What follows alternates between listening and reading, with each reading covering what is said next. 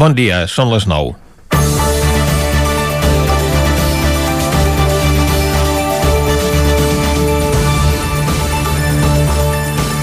Una de les decisions preses pel govern de la Generalitat en la primera reunió del nou executiu ens toca de prop. Es tracta de l'ampliació de l'àmbit territorial del Parc Natural del Montseny i reforçar-ne la protecció per poder conservar el ric patrimoni natural que ens uneix. També se'n modifica la denominació. De Parc Natural del Massís del Montseny es passarà a anomenar Parc Natural del Montseny. Està declarat una reserva natural de la biosfera i és territori protegit des que la Diputació de Barcelona, que és qui el gestiona, ho va aprovar el 1977 i la de Girona un any més tard. Una sentència del Tribunal Suprem va anul·lar fa uns anys el Pla Especial de Protecció del Medi Natural i del Paisatge del Montseny aprovat el 2008 per defecte de forma. I ara es tracta de corregir-ho tal i com demanen les entitats ecologistes. El compromís de la Generalitat ha de ser coordinar les accions en un territori que està a cavall de dues províncies i de tres comarques – amb tres municipis d'Osona, quatre de la Selva i 11 del Vallès Oriental que l'integren i delimitat per rius com el Congost, la Tordera, el Mugent o la Riera Major. El Montseny s'ha convertit en el principal productor d'aigua envasada del país i aquesta és l'evidència que convé preservar els seus recursos naturals. La seva proximitat amb l'àrea metropolitana de Barcelona el converteix en especialment vulnerable pels milions d'habitants que té a tocar. Ho hem vist de forma prou manifesta en els últims temps. A la que s'ha obert l'aixeta de la mobilitat durant el confinament, el Montseny, el Montseny s'ha vist massificat de visitants i les autoritats hi han hagut de posar control.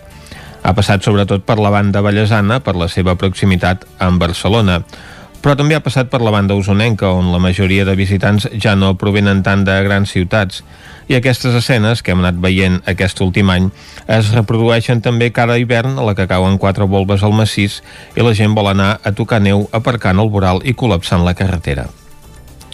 No és aquesta l'única mostra d'incivisme que es palesa al massís. També hi ha hagut conflictes amb excursionistes que porten gossos deslligats al Pla de la Calma i, en el millor dels casos, espanten el ramat quan no l'ataquen. Fer conviure el gaudi del medi natural amb les activitats que li són pròpies s'escapen de les mans dels municipis rurals, que no tenen mitjans per controlar moltes vegades l'aplicació de les seves pròpies ordenances.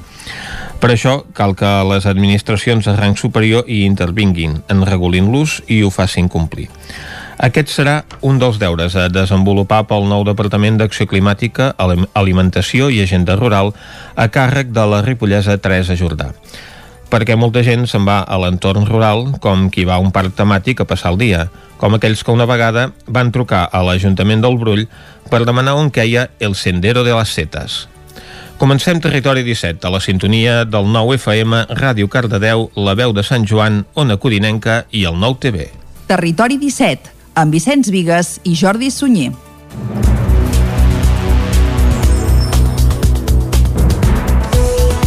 Són les 9 i 3 minuts i mig d'avui dijous, dia 3 de juny de 2021. Comença ara mateix un nou Territori 17 que avui, com sempre, durant la primera hora us acostarà tota l'actualitat de les nostres comarques. Després, a partir de les 10, més informació, entrevista. Avui conversarem amb el ja exregidor de Podem a l'Ajuntament de Cardedeu, Quique Fuentes. També ens visitarà en Jordi Soler, que ens alegrarà interiorment. I com que és dijous, acabarem amb el racó de pensar amb la Maria López i abans haurem hem anat al cinema amb la Núria Lázaro. Tot això i moltes coses més les farem des d'ara mateix i fins a les 12 del migdia. I com sempre el que toca per arrencar és fer un repàs a l'actualitat de casa nostra, l'actualitat de les comarques del Ripollès, Osona, el Moianès i el Vallès Oriental.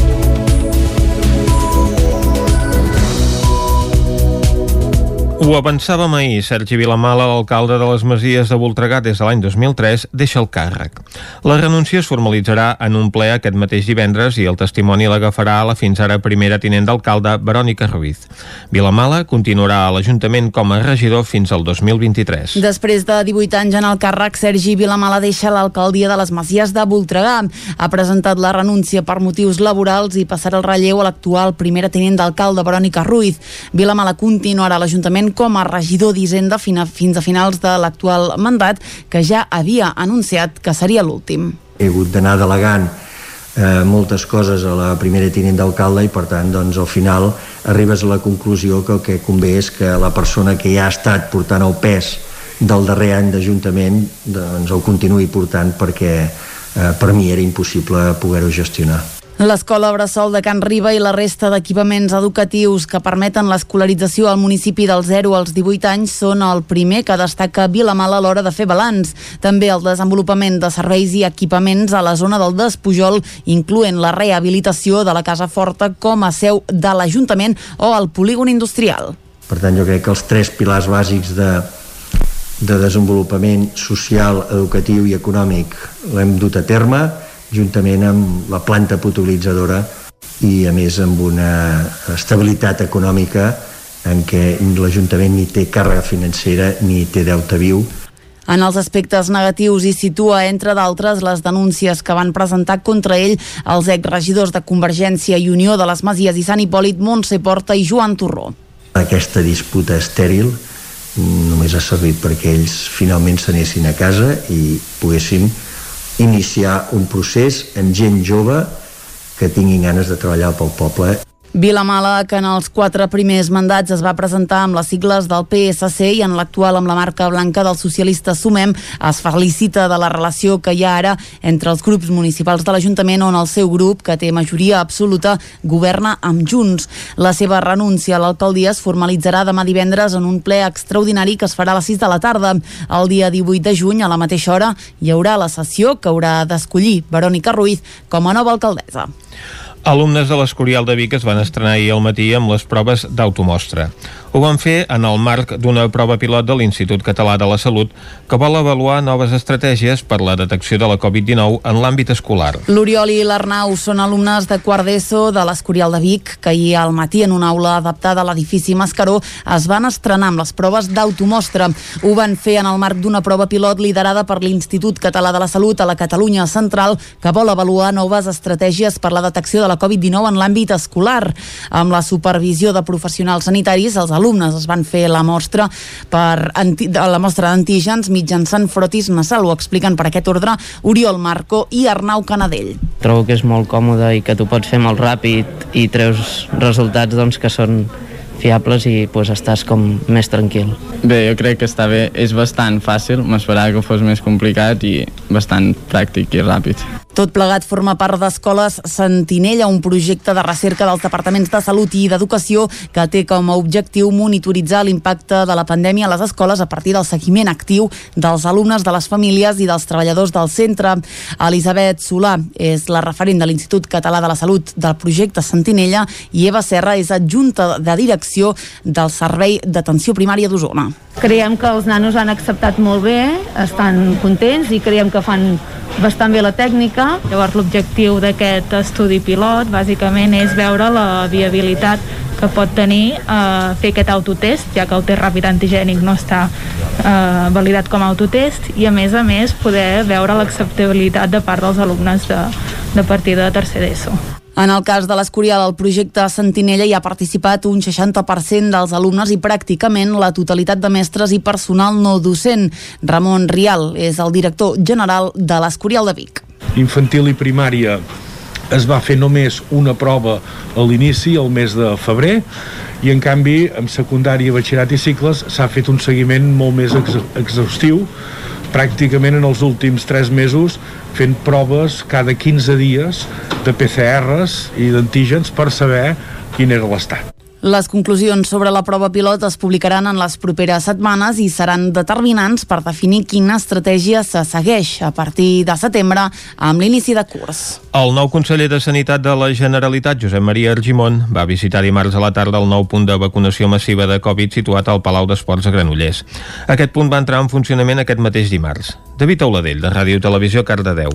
La visita del conseller és la primera a la ciutat d'un conseller del nou govern de Pere Aragonès.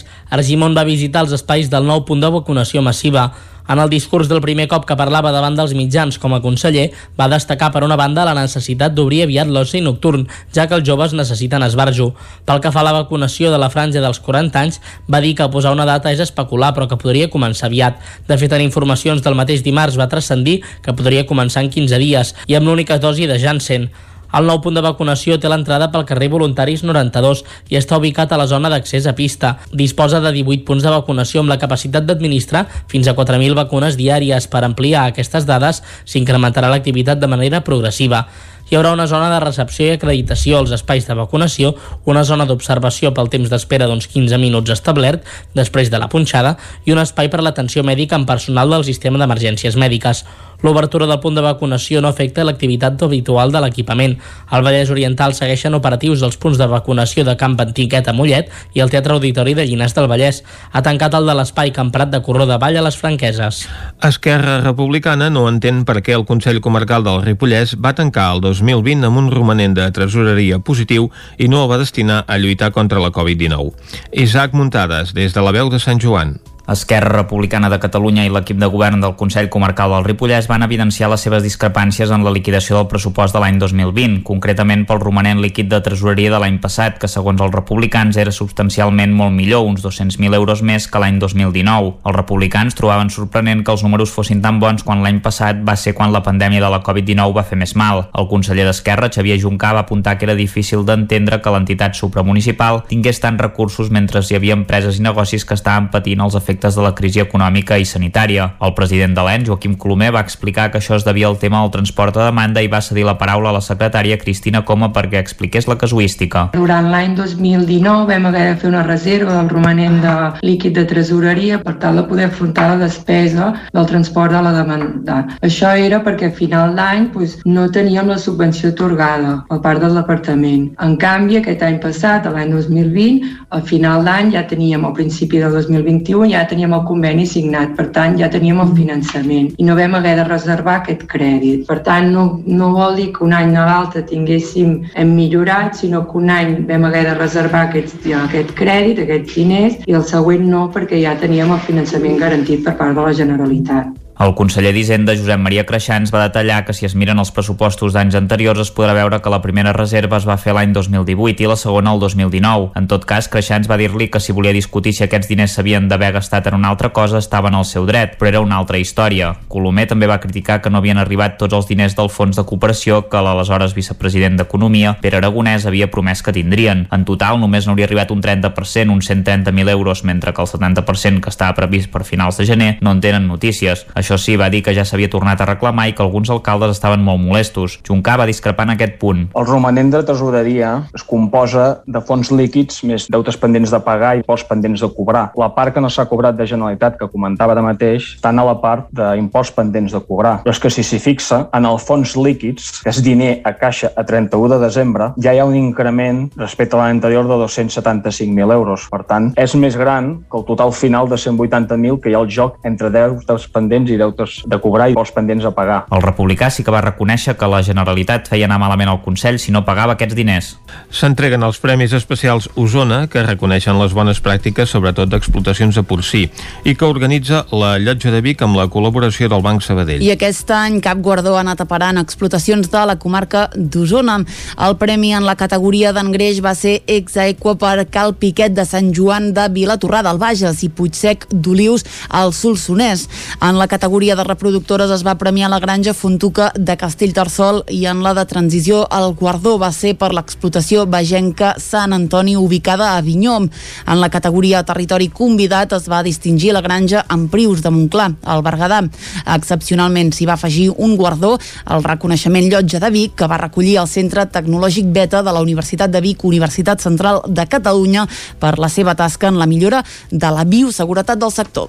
Que l'educació sigui una qüestió de tota la ciutadania és el que vol aconseguir el Fòrum Local d'Educació de Torelló, que aquest dissabte celebrarà una cinquena edició en la que es vol avançar en l'educació 360 i el PEC, el projecte educatiu de ciutat. L'actualització del PEC, el projecte educatiu de ciutat de Torelló, culminarà dissabte amb la cinquena edició del Fòrum Local d'Educació, una edició que tindrà lloc als Jardins Vicenç Pujol amb inscripció prèvia i que vol potenciar encara més el model educatiu 360. Marcel Ortuño és l'alcalde de Torelló l'educació entesa de la manera més global possible, o sigui, entendre eh, Torelló com a poble educador i amb aquesta visió 360 graus. No? El 2019 ens vam adherir eh, aquesta mirada que, que explica doncs, que l'educació no són només els centres educatius, que l'educació eh, és molt més global, que ens interpel·la a tots, tant per poder-nos continuar educant en qualsevol etapa de la vida, amb qualsevol inquietud que tinguem, com a l'hora de ser educadors, no? El treball s'ha anat fent amb un procés participatiu amb entitats i centres educatius, sobretot per recollir necessitats i veure quin era el moment de l'educació a Torelló. El fòrum local es farà aquest dissabte a partir de les 10 del matí i està obert a tothom. Núria Montanyà és la regidora d'Educació de Torelló. Són dinàmiques pensades perquè realment la gent hi pugui aportar i com que seran en petit grup que, que tothom pugui dir la seva, no? I per tant doncs, està oberta a, a infants joves i famílies i, i la gent que encara que es pensi que no té res a veure amb l'educació segur que pot aportar i segur que s'adona que sí, que, que, que també s'educa en el seu entorn. No? Coincidint amb el fòrum, s'ha posat al dia la web de la regidoria unitspereducar.cat on es pot conèixer el PEC, l'oferta educativa de Torelló i la xarxa de debat educatiu, entre d'altres. El Moianès presenta una nova campanya de turisme per atreure visitants aquest estiu. Caral Campàs, des d'Ona Codinenca. Fa poc més d'una setmana, el Consell Comarcal del Moianès va presentar una nova campanya per dinamitzar i promocionar la comarca. L'eslògan escollit és «El Moianès ve tan de gust», però la idea és que sempre hi hagi una segona frase que acompanyi aquest lema. Ho explica Oriol Batlló, conseller comarcal de Turisme al Moianès. Farem una campanya per temporada i canviarem, i es canvia la segona frase.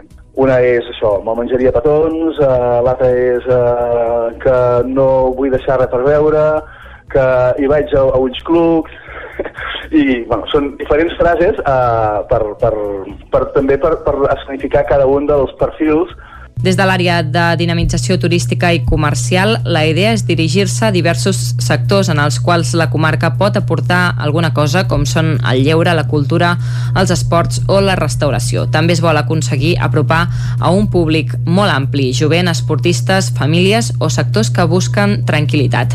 Batlló ha destacat que es volen enfocar en repetir les bones xifres de l'any passat. L'any passat vam tenir pràcticament un, un índex d'ocupació eh, entre el 90 i el 100% d'ocupació en, en, durant els mesos d'estiu, el, el que són eh, turisme rural, allotjaments, tenien un índex d'ocupació molt, molt alt tot, evidentment, de gent de, del país, no? I aquest any, doncs, clar, esperem repetir aquest èxit perquè l'hivern ha sigut molt fluix, això sí que és, és cert, però esperem això, repetir les dades d'ocupació de, que vam tenir durant l'estiu passat. Algunes de les propostes que des del Consell ja s'han plantejat és el repartiment d'unes estovalles de paper amb el mapa del Moianès i els seus punts turístics més importants. A més, Batlló, també president del Consorci i alcalde de Collsospina, ha destacat el descens de contagis com a reclam per a aquells visitants que encara es trobin indecisos per acostar-se al Moianès. I ara mateix ha produït un accident a la C59 al quilòmetre 17 amb dos vehicles implicats en aquest tram entre Ferles i la Font dels Enamorats de Caldes en direcció a Sant Feliu de Codines que està provocant retencions en aquesta via. De moment es desconeix si hi ha ferits. I amb aquesta darrera hora tanquem el butlletí que us hem ofert amb les veus de Vicenç Vigues, Clàudia Dinarès, David Auladell, Caral Campàs i Isaac Muntades. I ara seguim parlant del temps.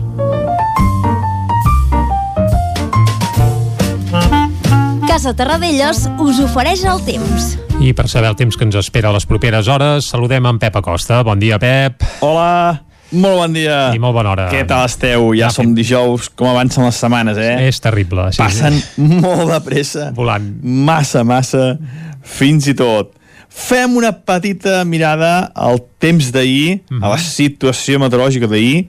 Van tornar a créixer nuvolades a la tarda i una altra vegada els mateixos sectors, eh? I vam tenir precipitacions, eh, 16 litres a Sant Pau de Segúries, 13 cap a Molló. Aquesta zona, el Ripollès, eh, és on fa dies que, que es pateguen les tempestes, és on, on plou més eh, de tot Catalunya des de fa dies. Ja fa més d'una setmana que gairebé cada tarda hi ha tempestes en aquesta zona mm -hmm.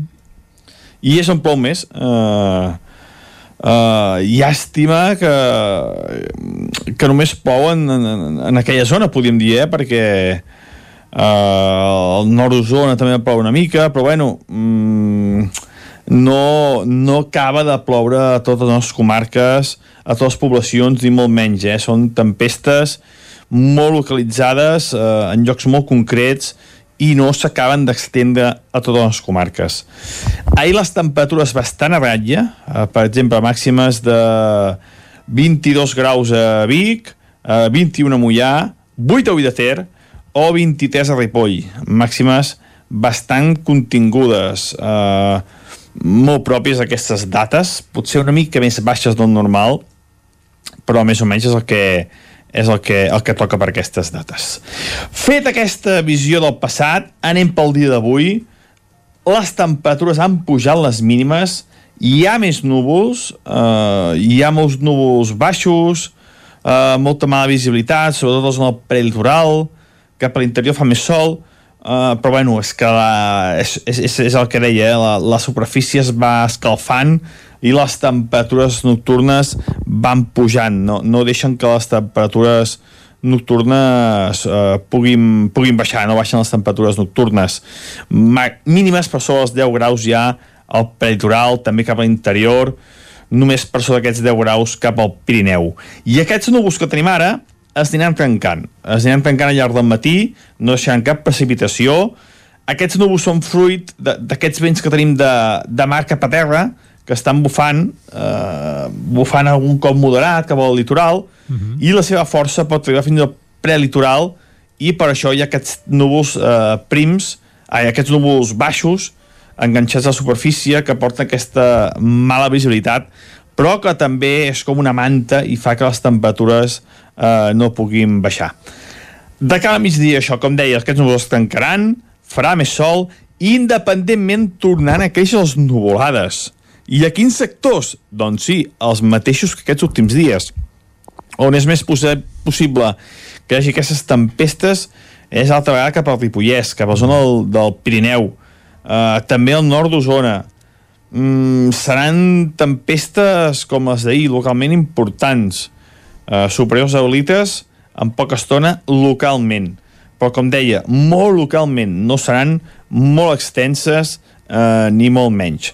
I unes temperatures molt semblants als d'ahir. La majoria de màximes entre els 23, 24, 25, 26 graus a tot estirar. No trobarem cap valor eh, molt exagerat eh, dels termòmetres que superin els 20, 28, 29, 30 graus. Eh? No, de moment encara no ens acostarem a aquests valors. No patiu, que molts dies tindrem valors d'aquestes temperatures, però de moment estarem una mica continguts pel que fa als termòmetres. I això és tot. A disfrutar el dia d'avui. Núvols, núvols baixos al matí. A la tarda alguna tempesta cap a Ripollès però un dia bastant tranquil, eh, poques novetats, estem en terreny de ningú, fa molts dies, ni anticicló ni depressions, Uh, però bueno, que, que, que aquestes nuvolades de tardes cap a la zona del Pirineu. Moltes gràcies i fins demà que explicarem el temps del cap de setmana. Adeu, bon dia. Pep, uh, gràcies a tu, no demà, sinó que t'esperem més tard perquè ens actualitzis el temps i nosaltres ara anem cap al quiosc. Va. Casa Tarradellas us ha ofert aquest espai. Territori 17 Anem a fer una ullada als a les portades dels diaris d'avui, Clàudia. Bon dia de nou. Comencem, com sempre, amb el punt avui que diu euroimmunitat. La justícia europea retorna a la immunitat a Puigdemont, Comín i Ponsatí. Mesura cautelar mentre ha resolt el recurs contra el suplicatori. A la imatge, pressió empresarial per ampliar el Prat i de Cospedal, imputada en el cas de l'espionatge a Bárcenas. Anem al diari ara que diu Puigdemont, Comín i Ponsatí recuperen la immunitat. A la imatge també també clam empresarial pel Prat i una coalició Frankenstein posa fi a l'era Netanyahu al govern d'Israel. Anem al periòdico que diu les empreses urgeixen la millora del Prat i ofereixen contrapartides. Bars i restaurants podran obrir fins a la una a partir de demà i Israel fa caure Netanyahu després de 15 anys amb una difícil coalició. Acabem les portades catalanes amb l'avantguàrdia que diu el món econòmic demana al govern que aprovi ara l'ampliació del Prat. La Seguretat Social recupera l'afiliació perduda per la Covid, Joe Biden suspèn els permisos per extreure petroli a l'Àrtic i el jutge imputa Cospedal i el seu marit per l'espionatge a Bárcenas. Anem a veure de què parlen les portades dels diaris de Madrid. Anem al país que diu el jutge acorrala el Partit Popular de Rajoy per espionatge il·legal a Bárcenas. A la imatge, màxims honors a Argèlia per al líder del Polisario i vuit partits pacten el fi de l'era Netanyahu a Israel. Al Mundo Bildu ja negocia en secret els privilegis dels presos a Tarres. A la imatge, la mateixa que el país, Argèlia rep amb honors a Gali. El jutge imputa Cospedal per Kitchen i el PP evita expedientar-la i eh, pacta a Israel per fer fora a Netanyahu del govern després de 12 anys. Anem acabant, anem a la raó que diu la bassa de Sánchez. Europa tombarà el fallo del procés. Pànic al PP per la imputació de Cospedal, dos punts, és el mur de Mariano Rajoy a la imatge i tornem a veure aquesta imatge diu Marroc sospesa expulsar l'ambaixador espanyol per al cas Gali. I Sanitat torna a xocar amb Madrid i imposa noves restriccions. Com sempre acabem amb l'ABC que obre amb aquesta nova polèmica en la gestió de la pandèmia. Diu Sanitat imposa restriccions amb mitja Espanya en contra obliga a limitar aforaments i horaris en l'oci nocturn i també en l'hostaleria. Aquí veiem a la imatge és a Cospedal eh, ahir en la seva sortida al Congrés eh, diu la imputació de Cospedal assenyala el PP de Rajoy el jutge cita com a investigats a l'exsecretària general del partit i el seu marit per malversació i suborn en l'espionatge de Bárcenas. Unanimitat a les portades dels diaris eh, catalans obren tots amb aquesta fotografia d'aquesta trobada ahir a ESADE d'empresaris que reclamen un pacte institucional per ampliar l'aeroport. Eh, és un, un dels temes de portada de la majoria de diaris eh, catalans que també destaquen, com el cas del Punt Avui, doncs que eh, Carles Puigdemont i la resta d'eurodiputats de Junts per Catalunya recuperen momentàniament la immunitat.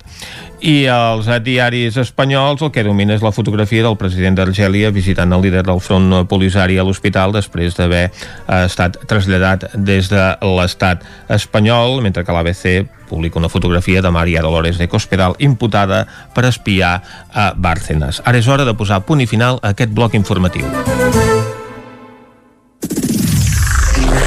El nou FM. El nou FM. A la llibreria Mater hi trobaràs material escolar i d'escriptori, llibres, revistes i el millor regal. T'esperem amb una gran varietat de novel·les, llibres d'assaig, poesia, contes i moltes novetats editorials. I per anar ben equipat a l'escola tenim motxilles, estoig, carpetes, llibretes, bolígrafs i molt més. Recorda que amb la targeta client tens descomptes. Mater, llibreters amb vocació des de 1957. Llibreria Mater. Ens trobaràs al carrer Pla de Balanyà número 23 de Vic i a mater.cat. A Mobles Verdolet liquidem l'exposició. Vine a veure'ns i renova casa teva. Sofàs, sales d'estudi, dormitoris, matalassos, menjadors, rebedors i complements i molt més. Mobles Verdolet. Mobles fets a mida. Qualitat a bon preu. Ens trobaràs al carrer Morgades, número 14 de Vic i al carrer Nou, número 44 de Torelló. Telèfon 93 380 36 24. Moblesverdolet.com Anuncia't al 9FM. La màquina de casa. 9 3 8 8 9 4 9 4 9. Publicitat arroba al 9FM.cat. Anuncia't al 9FM. La publicitat més eficaç. Sonocar, empresa dedicada a la compra i venda d'automòbils amb més de 20 anys d'experiència. Els nostres vehicles són completament revisats abans de la seva entrega. Quilometratge certificat amb la garantia exclusiva de Sonocar. Financem el 100% del vehicle. Vine a conèixer-nos i t'assessorarem. Sonocar, ens trobaràs a la Rambla Josep Tarradellas, número 2 de Vic, al telèfon 93 883 31 28 i a sonocar.cat. A Corretja tenim tot el que necessites per la teva llar. Tot tipus de paviments i revestiments, sistemes d'aïllament, cobertes, parquets, aixetes, ferreteria, pintures, fixació i cargoleria, vestuari i material de seguretat. Disposem de més de 3.500 metres quadrats d'exposició amb una nova zona exterior d'aïllaments. A Corretja som especialistes en cuines i banys. Us assessorem, dissenyem i realitzem el projecte des de l'inici fins a la fi del muntatge. 100% cuines, 100% banys. Al carrer Mas Vigues 8 de Vic, a corretja-sl.com o a Instagram. 100% materials per la construcció i la decoració. 100% corretja. Hi ha sensacions que són úniques. Aquell bany relaxant, mirar per la finestra quan plou i com les calderes Bailand, que li ofereixen fins a 15 anys de cobertura total amb el servei tècnic oficial Bailand. Informis a Oficiat Nord trucant al 93 886 0040. Amb el servei tècnic oficial de Bailand, la seva caldera estarà en les millors mans.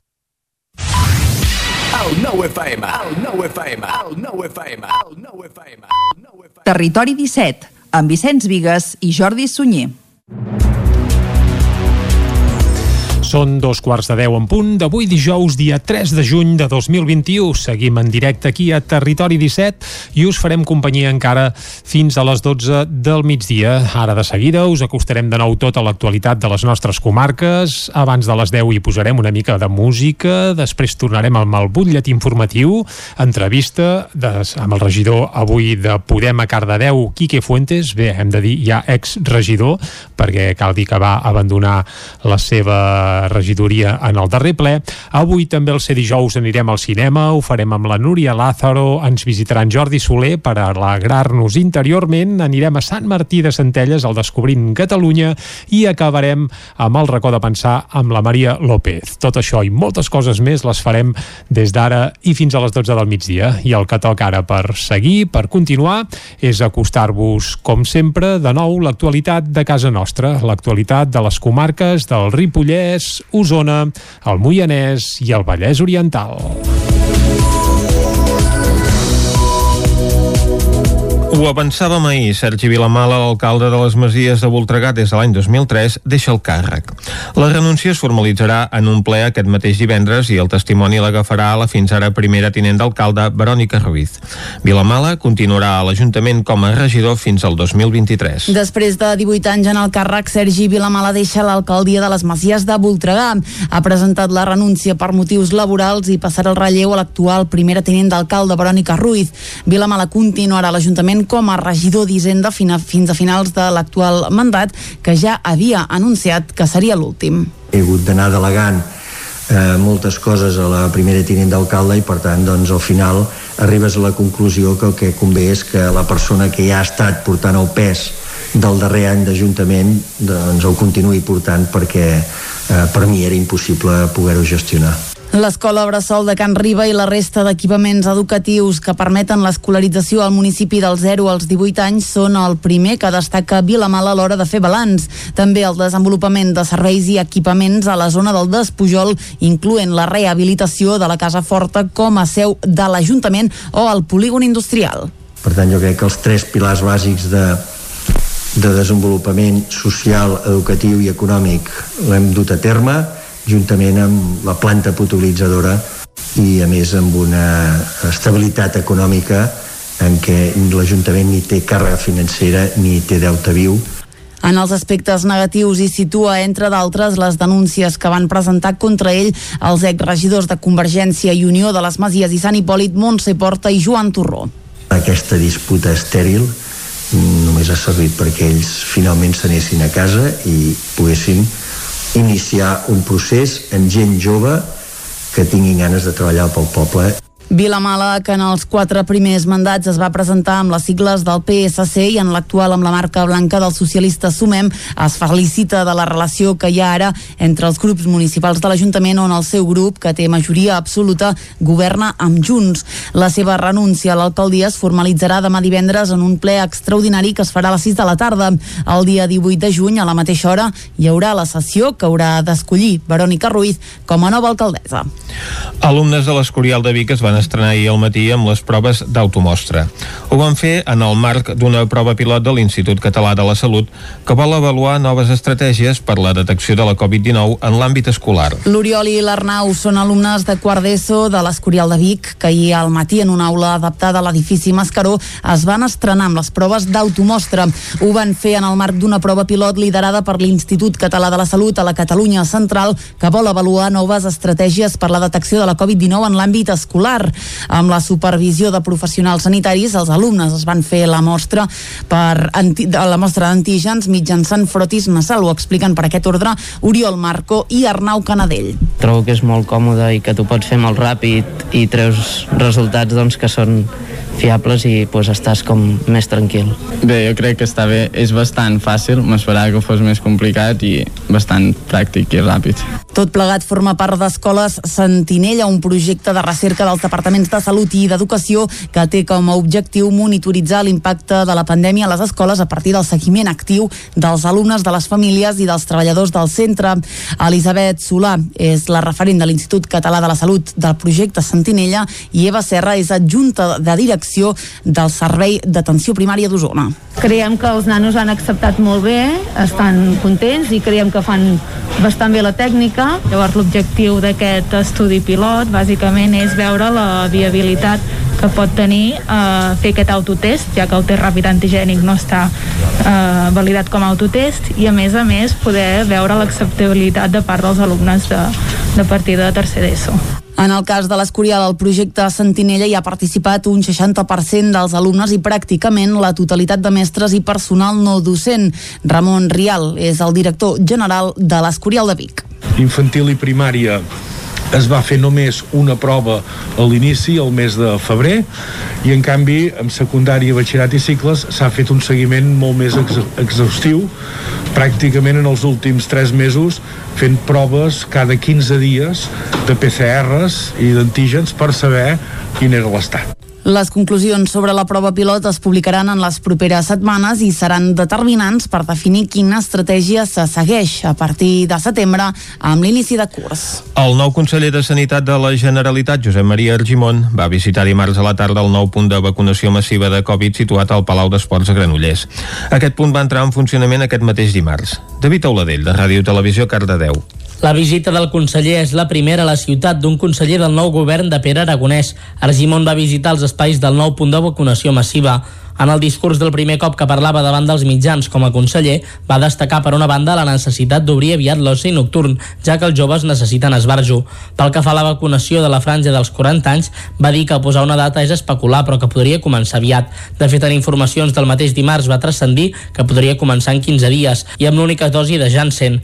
El nou punt de vacunació té l'entrada pel carrer Voluntaris 92 i està ubicat a la zona d'accés a pista. Disposa de 18 punts de vacunació amb la capacitat d'administrar fins a 4.000 vacunes diàries. Per ampliar aquestes dades s'incrementarà l'activitat de manera progressiva hi haurà una zona de recepció i acreditació als espais de vacunació, una zona d'observació pel temps d'espera d'uns 15 minuts establert després de la punxada i un espai per l'atenció mèdica amb personal del sistema d'emergències mèdiques. L'obertura del punt de vacunació no afecta l'activitat habitual de l'equipament. Al Vallès Oriental segueixen operatius els punts de vacunació de Camp Antiquet a Mollet i el Teatre Auditori de Llinars del Vallès. Ha tancat el de l'Espai Camprat de Corró de Vall a les Franqueses. Esquerra Republicana no entén per què el Consell Comarcal del Ripollès va tancar el 2020 amb un romanent de tresoreria positiu i no el va destinar a lluitar contra la Covid-19. Isaac Muntades, des de la veu de Sant Joan. Esquerra Republicana de Catalunya i l'equip de govern del Consell Comarcal del Ripollès van evidenciar les seves discrepàncies en la liquidació del pressupost de l'any 2020, concretament pel romanent líquid de tresoreria de l'any passat, que segons els republicans era substancialment molt millor, uns 200.000 euros més que l'any 2019. Els republicans trobaven sorprenent que els números fossin tan bons quan l'any passat va ser quan la pandèmia de la Covid-19 va fer més mal. El conseller d'Esquerra, Xavier Juncà, va apuntar que era difícil d'entendre que l'entitat supramunicipal tingués tants recursos mentre hi havia empreses i negocis que estaven patint els efectes efectes de la crisi econòmica i sanitària. El president de l'ENS, Joaquim Colomer, va explicar que això es devia al tema del transport a demanda i va cedir la paraula a la secretària Cristina Coma perquè expliqués la casuística. Durant l'any 2019 vam haver de fer una reserva del romanent de líquid de tresoreria per tal de poder afrontar la despesa del transport a la demanda. Això era perquè a final d'any doncs, no teníem la subvenció atorgada per part del departament. En canvi, aquest any passat, l'any 2020, a final d'any ja teníem, al principi del 2021, ja teníem el conveni signat, per tant ja teníem el finançament i no vam haver de reservar aquest crèdit. Per tant, no, no vol dir que un any a l'altre tinguéssim hem millorat, sinó que un any vam haver de reservar aquest, aquest crèdit, aquests diners, i el següent no, perquè ja teníem el finançament garantit per part de la Generalitat. El conseller d'Hisenda, Josep Maria Creixans, va detallar que si es miren els pressupostos d'anys anteriors es podrà veure que la primera reserva es va fer l'any 2018 i la segona el 2019. En tot cas, Creixans va dir-li que si volia discutir si aquests diners s'havien d'haver gastat en una altra cosa estaven al seu dret, però era una altra història. Colomer també va criticar que no havien arribat tots els diners del fons de cooperació que l'aleshores vicepresident d'Economia, Pere Aragonès, havia promès que tindrien. En total, només n'hauria arribat un 30%, uns 130.000 euros, mentre que el 70% que estava previst per finals de gener no en tenen notícies. Això sí, va dir que ja s'havia tornat a reclamar i que alguns alcaldes estaven molt molestos. Juncà va discrepar en aquest punt. El romanent de tresoreria es composa de fons líquids més deutes pendents de pagar i ports pendents de cobrar. La part que no s'ha cobrat de Generalitat, que comentava de mateix, està a la part d'imports pendents de cobrar. Però és que si s'hi fixa, en el fons líquids, que és diner a caixa a 31 de desembre, ja hi ha un increment respecte a l'any anterior de 275.000 euros. Per tant, és més gran que el total final de 180.000 que hi ha al joc entre deutes pendents i i deutes de cobrar i vols pendents a pagar. El republicà sí que va reconèixer que la Generalitat feia anar malament al Consell si no pagava aquests diners. S'entreguen els Premis Especials Osona, que reconeixen les bones pràctiques, sobretot d'explotacions de porcí, i que organitza la Llotja de Vic amb la col·laboració del Banc Sabadell. I aquest any cap guardó ha anat a parar en explotacions de la comarca d'Osona. El premi en la categoria d'engreix va ser ex aequo per Cal Piquet de Sant Joan de Vilatorrada al Bages i Puigsec d'Olius al Solsonès. En la categoria categoria de reproductores es va premiar la granja Fontuca de Castellterçol i en la de transició el guardó va ser per l'explotació vegenca Sant Antoni ubicada a Vinyó. En la categoria territori convidat es va distingir la granja Prius de Montclar, al Berguedà. Excepcionalment s'hi va afegir un guardó al reconeixement Llotja de Vic que va recollir el Centre Tecnològic Beta de la Universitat de Vic, Universitat Central de Catalunya, per la seva tasca en la millora de la bioseguretat del sector. Que l'educació sigui una qüestió de tota la ciutadania és el que vol aconseguir el Fòrum Local d'Educació de Torelló, que aquest dissabte celebrarà una cinquena edició en la que es vol avançar en l'educació 360 i el PEC, el projecte educatiu de ciutat. L'actualització del PEC, el projecte educatiu de ciutat de Torelló, culminarà dissabte amb la cinquena edició del Fòrum Local d'Educació, una edició que tindrà lloc als Jardins Vicenç Pujol amb inscripció prèvia i que vol potenciar encara més el model educatiu 360. Marcel Ortuño és l'alcalde de Torelló l'educació entesa de la manera més global possible, o sigui, entendre eh, Torelló com a poble educador i amb aquesta visió 360 graus. No? El 2019 ens vam adherir eh, aquesta mirada que, que explica doncs, que l'educació no són només els centres educatius, que l'educació eh, és molt més global, que ens interpel·la a tots tant per poder-nos continuar educant en qualsevol etapa de la vida, amb qualsevol inquietud que tinguem, com a l'hora de ser educadors, no? El treball s'ha anat fent amb un procés participatiu amb entitats i centres educatius, sobretot per recollir necessitats i veure quin era el moment de l'educació a Torelló. El fòrum local es farà aquest dissabte a partir de les 10 del matí i està obert a tothom. Núria Montanyà és la regidora d'Educació de Torelló. Són dinàmiques pensades perquè realment la gent hi pugui aportar i com que seran un petit grup, que, que tothom pugui dir la seva, no? I per tant doncs, està oberta a infants joves i famílies i i la gent que encara que es pensi que no té res a veure amb l'educació segur que pot aportar i segur que s'adona que sí, que, que, que també s'eduquen al seu entorn. No? Coincidint amb el fòrum s'ha posat al dia la web de la regidoria unitspereducar.cat on es pot conèixer el PEC, l'oferta educativa de Torelló i la xarxa de debat educatiu, entre d'altres. El Moianès presenta una nova campanya de turisme per atreure visitants aquest estiu. Caral Campàs, des d'Ona Codinenca. Fa poc més d'una setmana, el Consell Comarcal del Moianès va presentar una nova campanya per dinamitzar i promocionar la comarca. L'eslògan escollit és el moianès ve tan de gust, però la idea és que sempre hi hagi una segona frase que acompanyi aquest lema. Ho explica Oriol Batlló, conseller comarcal de Turisme al Moianès. Farem una campanya per temporada i canviarem, i es canvia la segona frase. Una és això, me'l menjaria petons, uh, l'altra és uh, que no vull deixar res per veure, que hi vaig a, a ulls clucs, i bueno, són diferents frases uh, per, per, per, també per, per escenificar cada un dels perfils des de l'àrea de dinamització turística i comercial, la idea és dirigir-se a diversos sectors en els quals la comarca pot aportar alguna cosa, com són el lleure, la cultura, els esports o la restauració. També es vol aconseguir apropar a un públic molt ampli, jovent, esportistes, famílies o sectors que busquen tranquil·litat.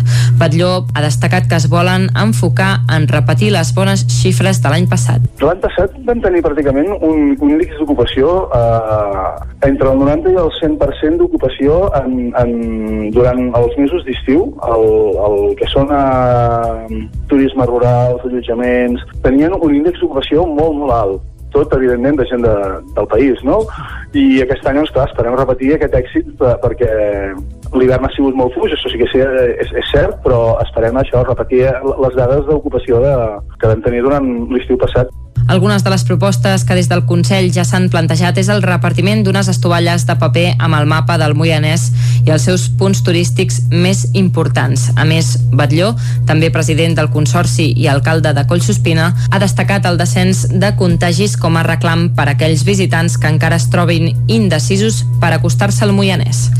I ara mateix ha produït un accident a la C59 al quilòmetre 17 amb dos vehicles implicats en aquest tram entre Ferles i la Font dels Enamorats de Caldes en direcció a Sant Feliu de Codines que està provocant retencions en aquesta via. De moment es desconeix si hi ha ferits.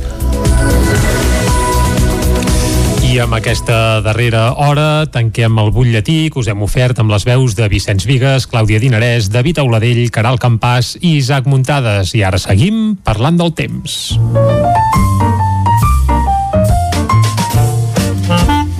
Casa Terradellos us ofereix el temps. I per saber el temps que ens espera a les properes hores, saludem en Pep Acosta. Bon dia, Pep. Hola, molt bon dia. I molt bona hora. Què tal esteu? Ja som dijous, com avancen les setmanes, eh? És terrible. Sí, Passen molt de pressa. Volant. Massa, massa, fins i tot. Fem una petita mirada al temps d'ahir, mm -hmm. a la situació meteorològica d'ahir. Van tornar a créixer nuvolades a la tarda i una altra vegada els mateixos sectors, eh?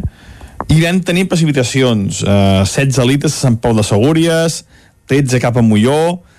Aquesta zona del Ripollès eh, és on fa dies que, que es pateguen les tempestes. És on, on plou més eh, de tot Catalunya des de fa dies. Ja fa més d'una setmana que gairebé cada tarda hi ha tempestes en aquesta zona. Mm -hmm.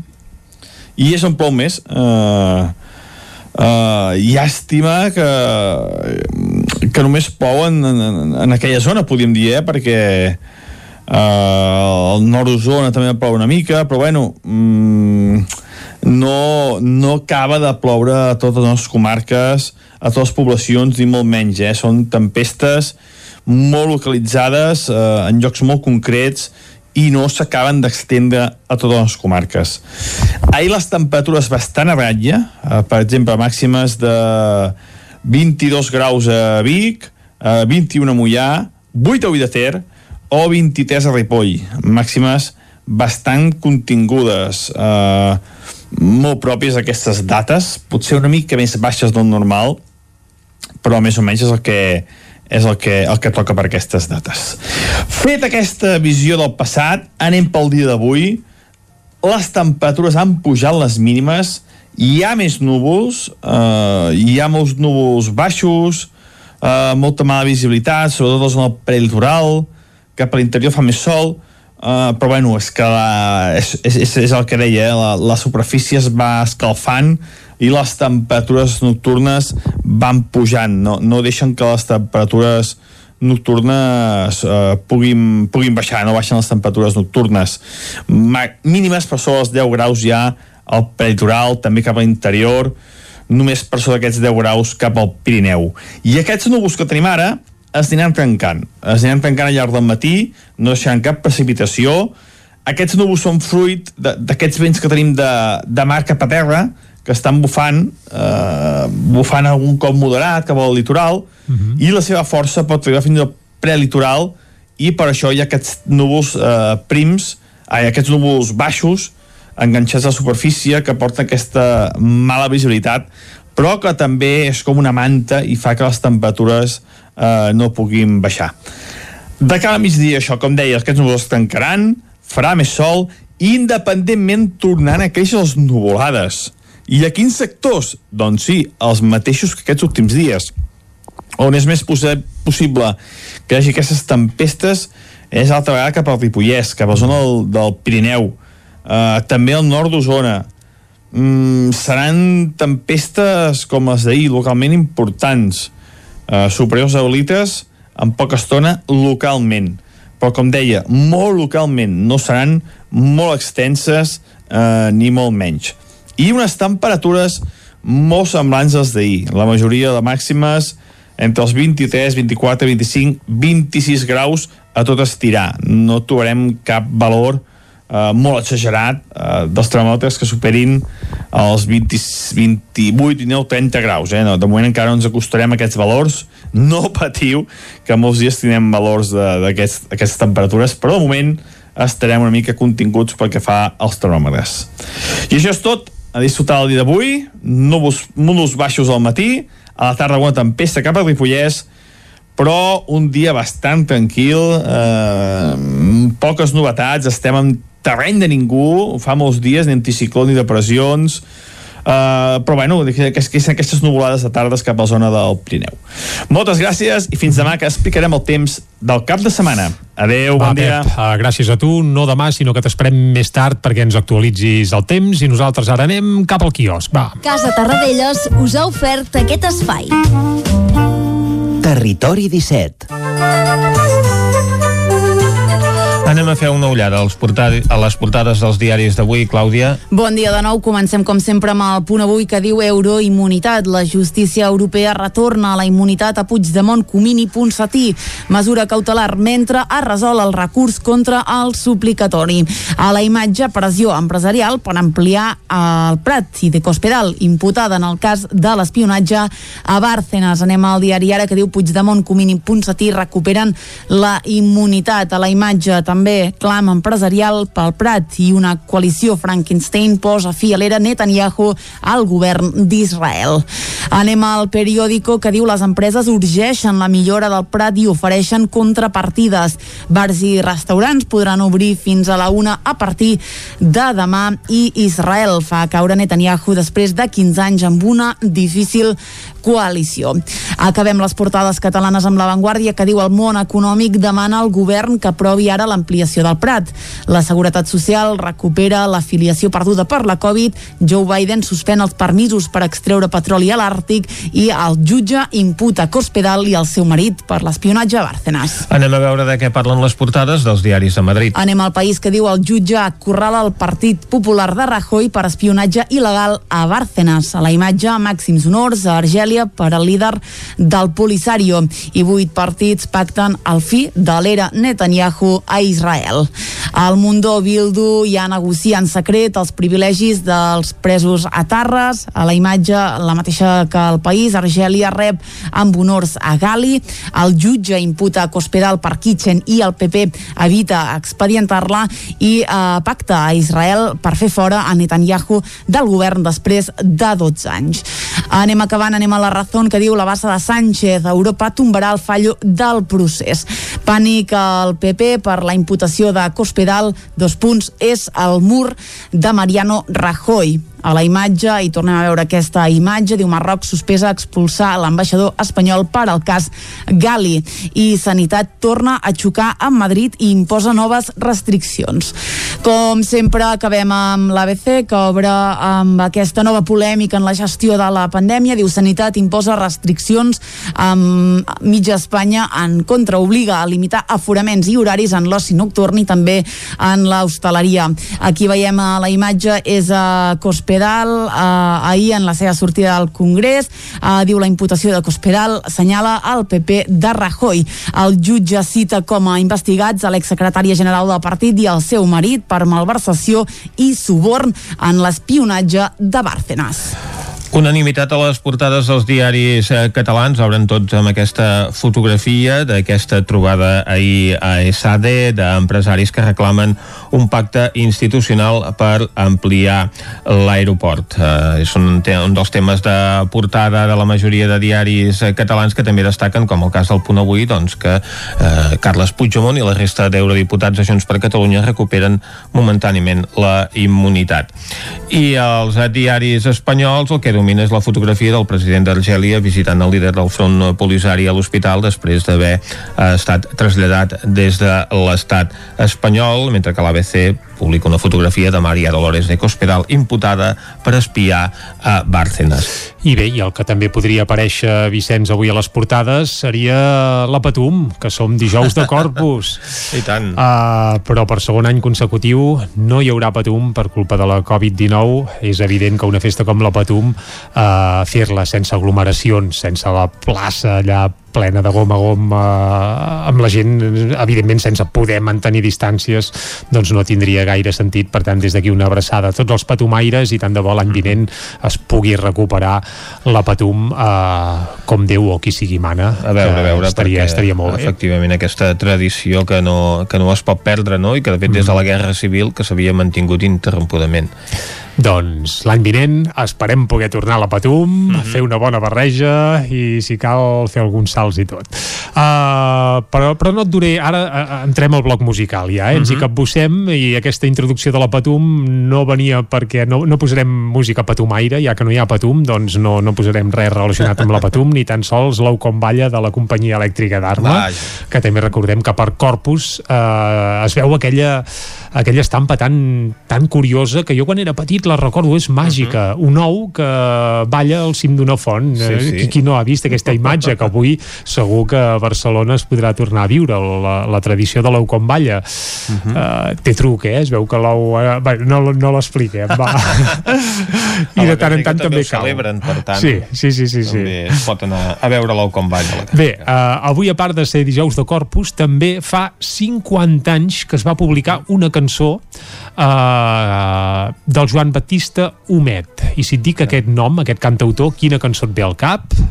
Bé, em venen algunes en català, algunes en castellà, però en català hi ha la cançó que va dedicar a la seva germana, per exemple. Que és la que va fer més fortuna, segurament, i la que ha tingut més ressò, és la cançó uh -huh. Gemma. Uh -huh. Doncs avui el que farem aquí a Territori 17 és escoltar Gemma, però amb una versió molt peculiar, la que ha fet la Gemma Humet, que a part de compartir cognom amb el Joan Batista Humet comparteixen parentiu, perquè resulta Clar. que era el seu tiet. Uh -huh. uh, per tant, uh, allò que els gens a vegades uh, no enganyen, en el cas de la Gemma és ben evident. Per tant, avui, per celebrar el mig segle d'aquesta peça, d'aquesta Gemma, escoltarem la versió que en va fer la neboda del Joan Batista, ara fa un cert temps, doncs avui l'escoltem sencera, a veu i piano. Fins a arribar al punt de les 10 aquí a Territori 17 sí? Oh, i tant. Doncs ja l'estem escoltant.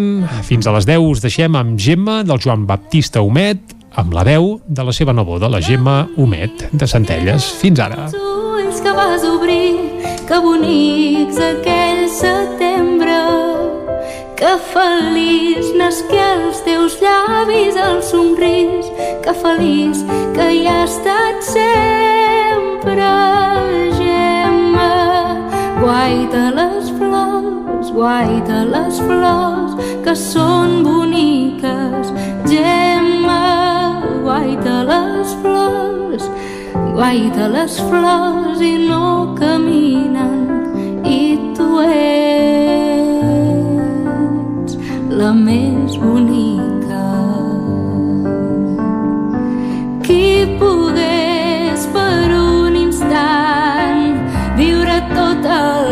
joia que tu sents al anar cordant dues sabates noves. Les duràs hores i hores als teus peus les veig noves si les miro. Amb gran goig em parlarà la teva veu per això que més t'estimo.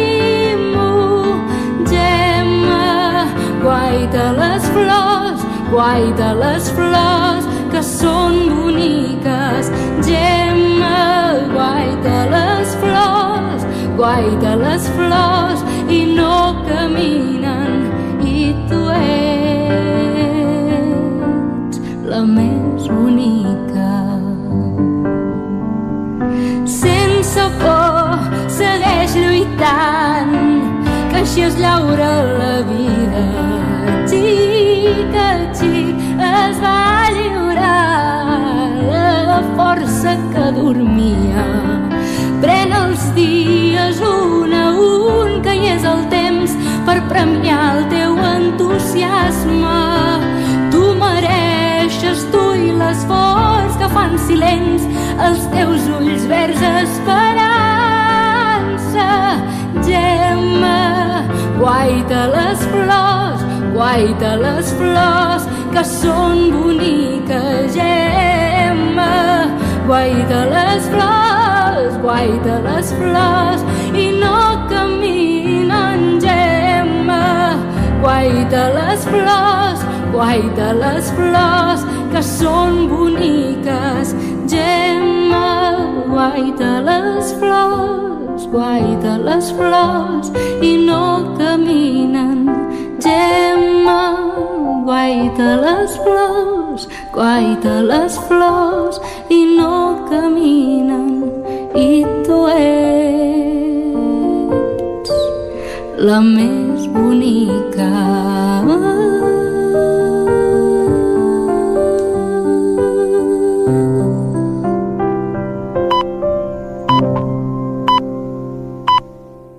informació de les nostres comarques, les comarques del Ripollès, Osona, el Moianès i el Vallès Oriental.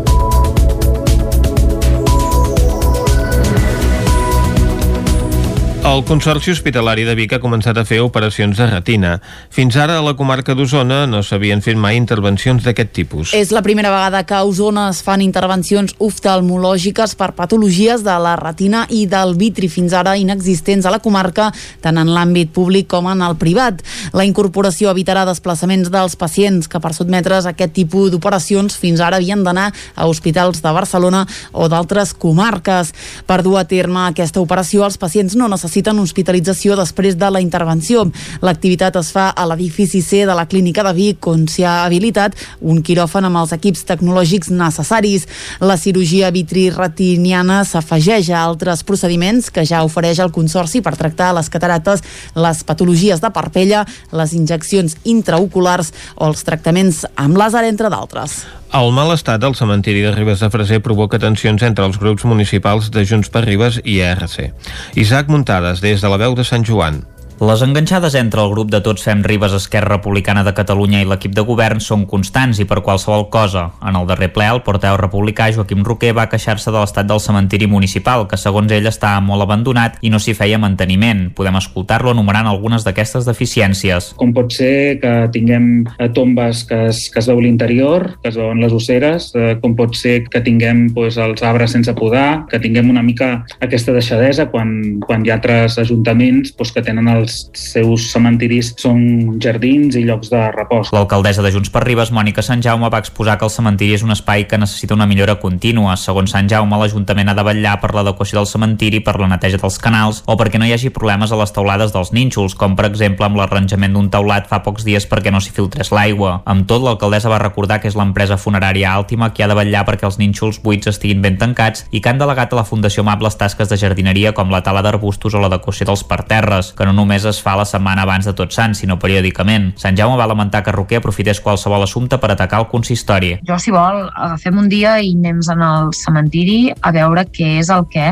realment vostè creu que està tan i tan i tan i tan malament com perquè en vez de sortir i dir-ho a una sessió plenària en el moment de pregs i preguntes que és visual i que tothom ho veu, fem foc i tornem a incendiar a les xarxes socials. Ens agafem un dia, ens anem al cementiri, parlem amb, amb, amb serveis tècnics, amb l'arquitecte, amb el de la brigada per veure què és el que s'ha de fer, però digui'm vostè realment què és el que ha estat tan i tan i tan malament el cementiri de Ribes com perquè eh, sigui digne dels sensacionalismes que a vostè li agrada tant i tant donar amb els, amb els titulars que fa. Sant Jaume sí que va reconèixer que hi ha unes construccions que són més velles i necessiten una remodelació contínua que es va fent. També va dir que faran una esmena per poder-se acollir a unes subvencions que dona la Diputació de Girona pels cementiris dels pobles de menys de 1.000 habitants i intentaran que la franja pugi fins als 2.000. També va dir que durant uns mesos van haver de clausurar el cementiri a les nits perquè uns incívics aprofitaven per rebentar la font que hi ha allà, fet que provocava que baixés aigua i els veïns es queixessin. Roquer també va preguntar per quan s'instal·larà l'espai de dol perinatal al cementiri, ja que és una moció que es va aprovar fa mesos. L'alcaldessa va contestar-li que s'ha de fer una consulta ciutadana, ja que en cap moment es va dir que seria el cementiri.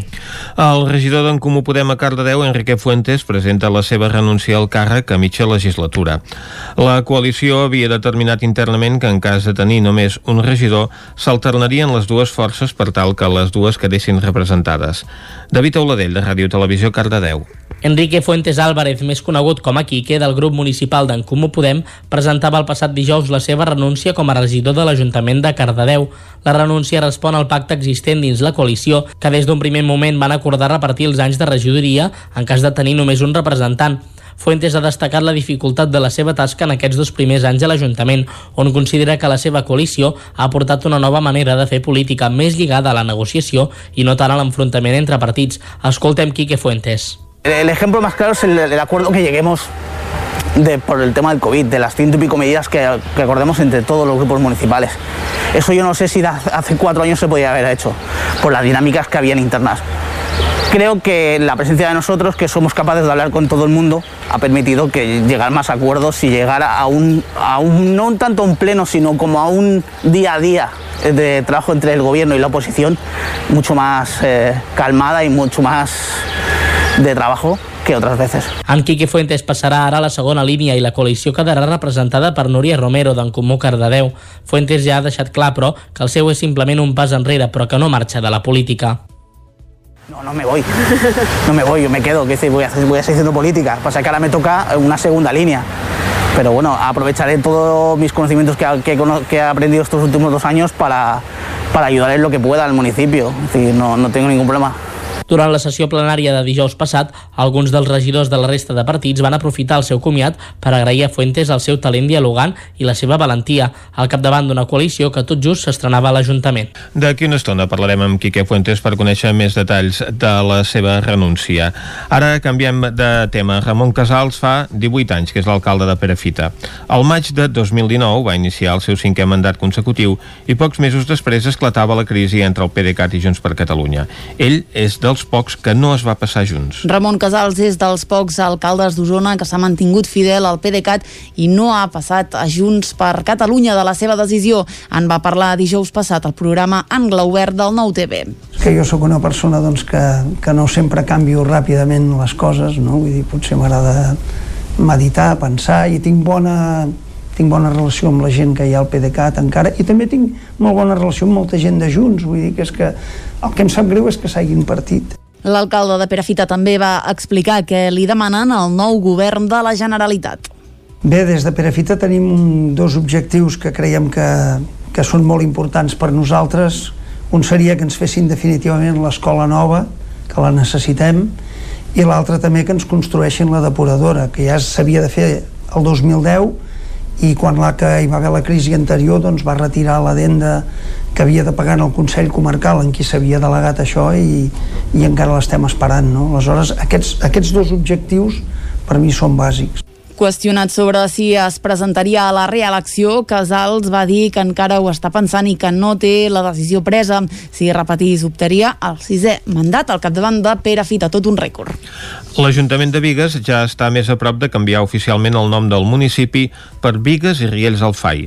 Es recuperarà així el nom que havia perdut el 1939. Caral Campàs, des d'Ona Codinenca. El primer ple de l'any passat a Vigues i Riells va aprovar l'inici de l'expedient per canviar el nom del municipi de Vigues per Vigues i Riells del FAI satisfent així una demanda històrica. Després de més d'un any, aquest objectiu cada vegada està més a prop. En el ple de dijous passat es va aprovar la proposta d'aprovació definitiva del canvi. Ara només cal esperar unes setmanes més que la Generalitat ho publiqui al seu butlletí. L'Ajuntament de Vigues i Riells va iniciar els tràmits fa un any per recuperar l'entitat del poble de Riells del Fai en base a un expedient de segregació del 1937 que explica que Vigues i Riells del Fai van ser pobles independents amb ajuntaments propis. Tot i això, el 1939, amb l'arribada del franquisme, es va tirar enrere la segregació que havia estat aprovada pel president Josep Tarradellas i es van tornar a unir els pobles en un de sol. Ara, però, més de 80 anys més tard, el poble de Riells del Fai recuperarà la seva entitat. Pel que fa al dia a dia de la ciutadania, el canvi no suposarà cap inconvenient. L'afectació només serà interna en l'àmbit administratiu per fer tots els canvis de nom. Esports. L'esportista Marta Sánchez, afincada a Osona, ha deixat els triatlons, disciplina en la que competia internacionalment, i s'ha passat a la bicicleta de carretera. L'aturada motivada per la pandèmia de Covid-19 just quan estava fent l'aposta de dedicar-se professionalment al triatló i la dificultat per recuperar la forma física i mental afegida a la incertesa en el calendari la van fer decantar pel ciclisme Marta Sánchez. Fer aquesta aposta més i transició cap al, cap al ciclisme també a dia d'avui és això, el calendari del triatló també amb l'any aquest dels jocs tot és una mica que les curses estan molt més tancades i veia un any molt buit i amb poca, bueno, poca, pocs incentius. I en canvi amb el ciclisme veia que, que això, molt, moltes més curses i, i una oportunitat com la que em dona ara el Massi Tàctic de poder córrer i poder córrer a un nivell que, que no esperava pas, la veritat. Sánchez va fitxar a principi de temporada per l'equip Massi Tàctic i ja ha debutat amb bons resultats a la Copa d'Espanya. I fins aquí el butlletí informatiu de les 10 del matí que us hem ofert amb Vicenç Vigues, Clàudia Dinarès, David Auladell, Caral Campàs i Isaac Muntades. I ara, abans d'anar cap a l'entrevista, refrescarem la informació meteorològica per saber el temps que ens espera per a les properes hores.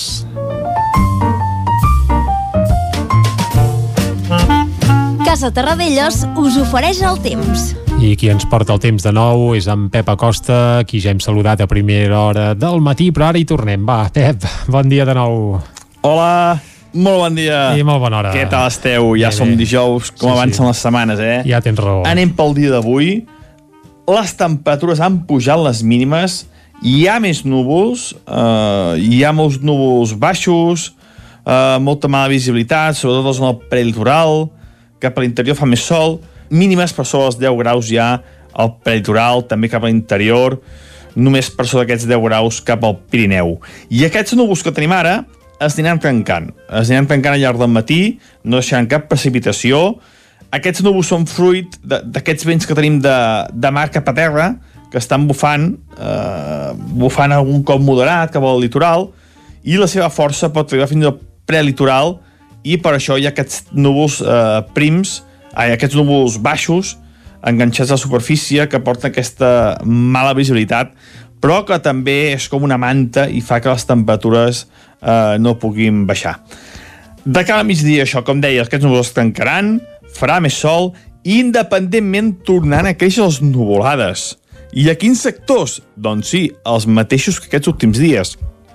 On és més possi possible que hi hagi aquestes tempestes és altra vegada cap al Ripollès, cap a la zona del, del Pirineu, uh, també al nord d'Osona. Mm, seran tempestes com les d'ahir, localment importants, uh, superiors a litres en poca estona localment. Però, com deia, molt localment, no seran molt extenses eh, ni molt menys. I unes temperatures molt semblants als d'ahir. La majoria de màximes entre els 23, 24, 25, 26 graus a tot estirar. No trobarem cap valor eh, molt exagerat eh, dels termòmetres que superin els 20, 28, 29, 30 graus. Eh? No, de moment encara no ens acostarem a aquests valors. Ja no bé. patiu, Ja que molts arribaran, dies tindrem eh? valors d'aquestes temperatures, però de moment estarem una mica continguts pel que fa als termòmetres. I això és tot. A disfrutar el dia d'avui. Núvols, núvols baixos al matí. A la tarda alguna tempesta cap a Ripollès però un dia bastant tranquil, eh, amb poques novetats, estem en terreny de ningú, fa molts dies, ni anticicló ni depressions. Moltes gràcies i fins demà que explicarem el temps del cap de setmana. Adeu, bon dia. Va, doncs Pep, que vagi molt bé, t'esperem demà amb el temps de divendres i també de tot el cap de setmana i Vicenç, eh, serà un cap de setmana que ja sabem que no serà de grans calors, grans calorades, perquè mm -hmm. ja ens ha alertat en Pep que de moment la cosa calma, però ja està bé. Que hi pot haver ruixats. Sí, sí això sí. també és un clàssic, però ves que n'hi està havent cada dia, eh? Per mm -hmm. exemple, ahir n'hi va haver de nou i van deixar precipitacions que en alguns racons del territori 17 van ser prou importants. Sí, senyor, a més unes precipitacions eh, que van sorprendre al migdia, mm -hmm. que no és habitual i sí, que van sí, va deixar... posar d'hora, eh? Mm -hmm. El sí. tema tempestes, sí, habitualment ven a la tarda, allò ben dinat i algú ens va enganxar abans de dinar i tot, eh? Exacte, abans de dinar en algun punt ja havien caigut, doncs, eh, litres com, per exemple, exemple, els 8 de Viladrau, dues dècimes més a Vidrà, mm, més al nord, doncs ja 9 litres a Núria, però també 9 i mig a Espinelves, 12 a Molló o 16 i mig a Sant Pau de Segúries, que són les precipitacions que es van registrar ahir. I avui, pel que fa a temperatures mínimes, potser no són tan baixes com, eh, com havia set doncs, eh, les de eh, les d'ahir. Abans, abans d'ahir, exacte. exacte. Sí, sí. Eh, Núria, 4 graus i mig de mínima, 8 i mig a Rupit, eh, 8 eh, graus i 8 dècimes a Sant Sadurní d'Usur Mort, 9 a Coll Sospina, i els punts on tampoc no han arribat als 10 graus de mínima són a Molló i al cim de Puigdesolles i al Vallès segur que tots han superat els 10 graus. Com al Vallès no hi ha res, eh? De Puigdesolles no. Ah, també, bé, bé, Puigdes... els cims, els cims més alts... No, a, dalt, a dalt del cim no han arribat avui doncs, els 10 graus de mínim. Va, sigui com sigui, ens anem ara cap al Vallès. Anem-hi? Anem-hi. Doncs tanquem el bloc eh, meteorològic i anem cap a l'entrevista avui des de Ràdio Cardedeu. Casa Tarradellas us ha ofert aquest espai. Territori 17. Envia'ns les teves notes de veu per WhatsApp al 646 079 023. 646 079 023. WhatsApp Territori 17.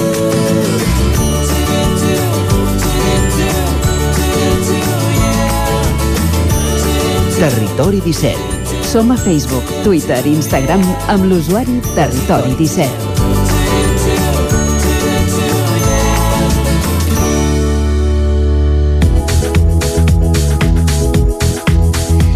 Anem a Cardedeu, com us dèiem, eh, perquè allà el regidor d'en Comú Podem, Enrique Fuentes, ha presentat la seva renúncia al càrrec a mig mandat. Quique, que és com més conegut, doncs presentava aquest dijous la seva renúncia per ser substituït pel número 2 de la llista en virtut d'un pacte existent dins de la coalició del qual en volem conèixer més detalls. O sigui que anem a Ràdio Cardedeu i saludem a l'Òscar Muñoz. Bon dia, Òscar. Bon dia, Vicenç. Doncs sí, avui parlem amb el Quique Fuentes, exregidor de l'Ajuntament de Cardedeu, del grup En Comú Podem. Bon dia, Quique. Buenos días. Explica'ns aquest, el per què aquesta renúncia a l'acord que teníeu ja eh, decidit des de, des de la campanya. Explica'ns aquest pacte de sí, dos no. anys. Básicamente uh -huh. es que nosotros era una coalición de dos partidos, de, de Podem Cardedeu y de Comú Cardedeu, y para sentirnos representados las dos formaciones decidimos esta fórmula pero aparte pero también como hicimos en campaña, porque nosotros pensamos que las que las personas no, no es lo importante, sino los proyectos. Por lo tanto, este quien esté en primera línea como regidor o regidora, eh, lo importante es el proyecto que nosotros tenemos para Cardedeu. Uh -huh. I quina valoració en fas d'aquests dos anys a l'Ajuntament de Cardedeu? Bueno, han sido dos años complicados, porque hemos tenido por medio una, bueno, estamos teniendo una pandemia, entonces todo esto lo cambia. Yo, por ejemplo, he hecho más uh -huh. plenos telemáticos que presenciales. Claro para, para situarnos.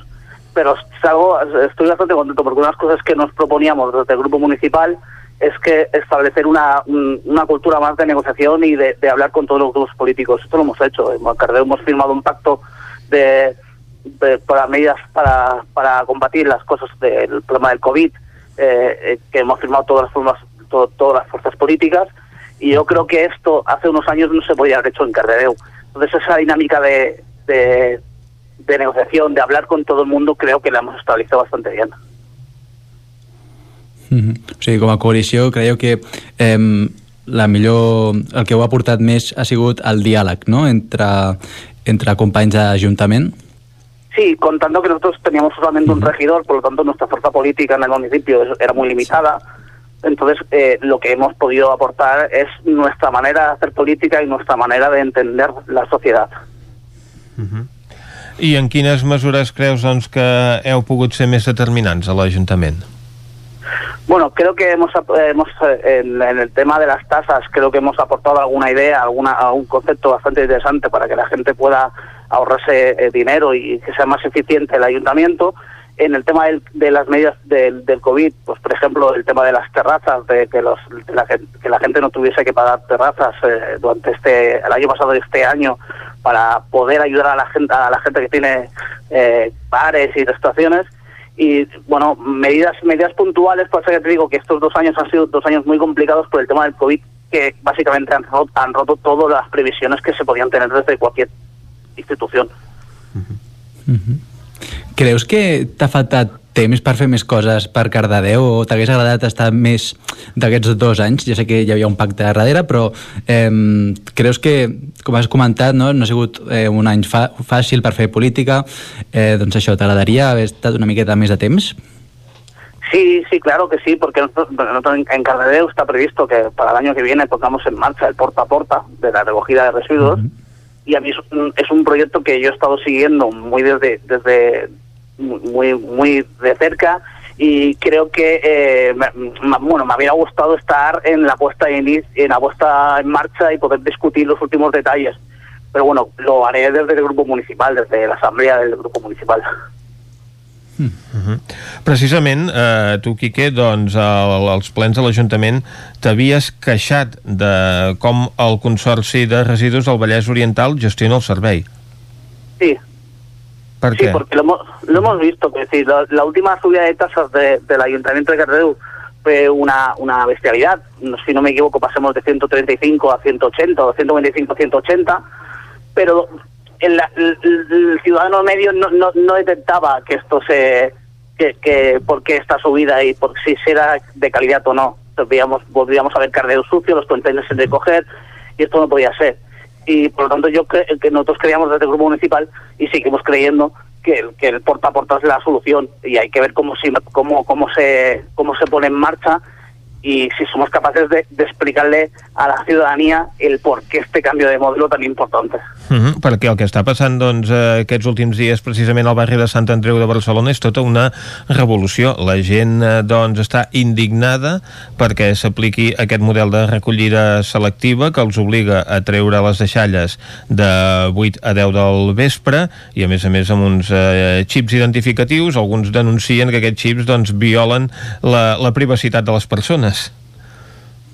Yo, yo no lo veo así, lo de, lo, lo de la privacidad de las personas, porque no, no entiendo no entiendo el problema de que se puede hacer un seguimiento de si una persona recicla o no recicla. Es decir, se pueden conseguir facturas de facturas de, de la, de la basura más personalizadas. Entonces, yo lo veo bien. El, el problema el problema es que a ver, es un proceso muy complicado porque en el fondo le estás diciendo a la gente cómo tiene que cómo tiene que tirar la basura y a qué horas tiene que tirar la basura y entonces esto es, es muy complicado de hacer pero yo creo que es un proceso de, de- tiempo y de, comunicación y de, dar con la tecla de, comunicarlo perfectamente y que la gente entienda que si queremos eh, mejorar la, la, la recogida de basuras, que sea más eficiente y que sea más ecológica, solo nos queda un camino que es el porta a porta.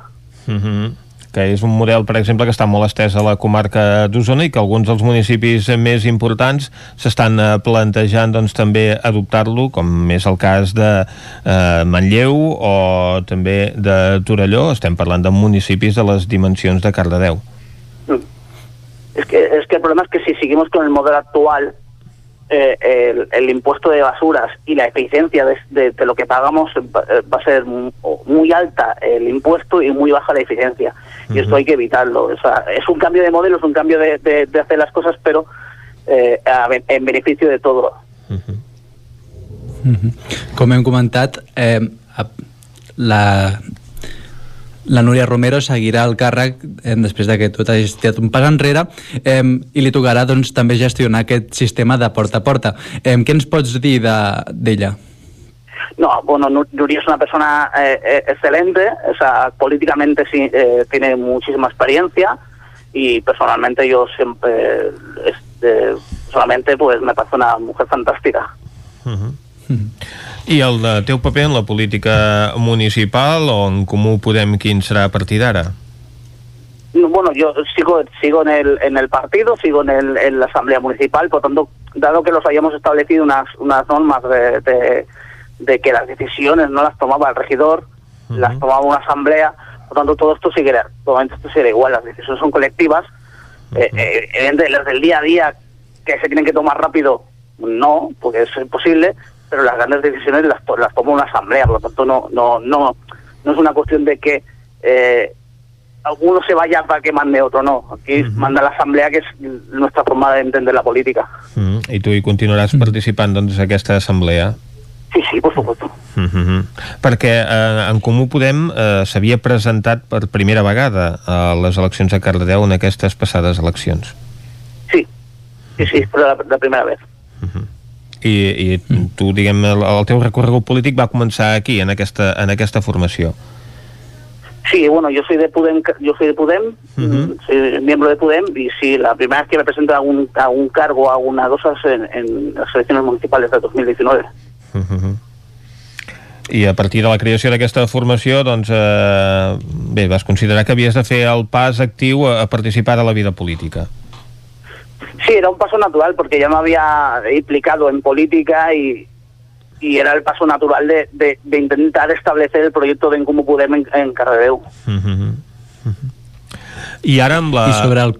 Eh, Perdó, Òscar, digues, digues. No, sobre, anava a comentar sobre el comiat que, eh, com, com m'has comentat abans, el veu fer telemàticament, no? I la majoria de partits doncs, et van dedicar algunes paraules d'agraïment aquest- per aquest mandat. Eh, això et motiva a, a d'aquí uns anys eh, tornar a reprendre aquest càrrec?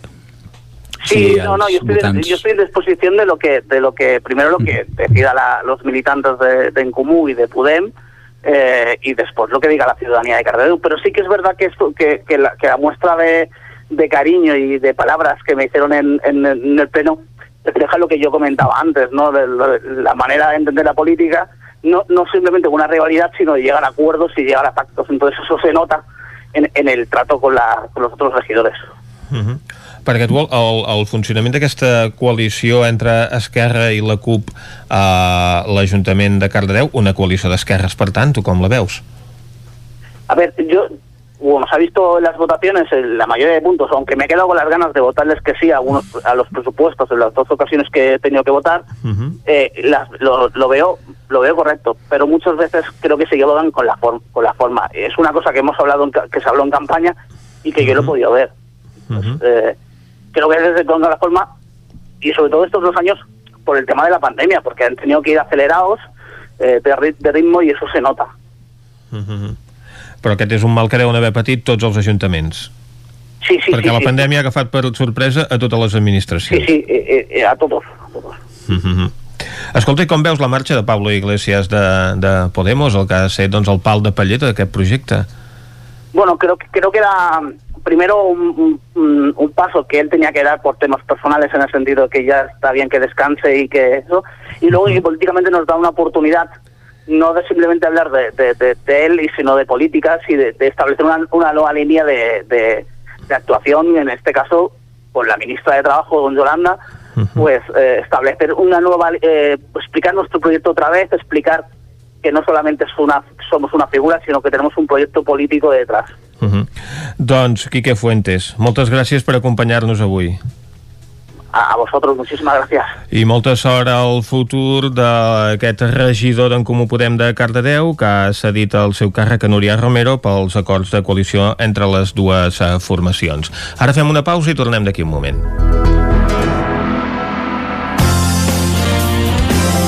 El nou FM, la ràdio de casa, al 92.8. A Mobles Verdolet liquidem l'exposició. Vine a veure'ns i renova casa teva.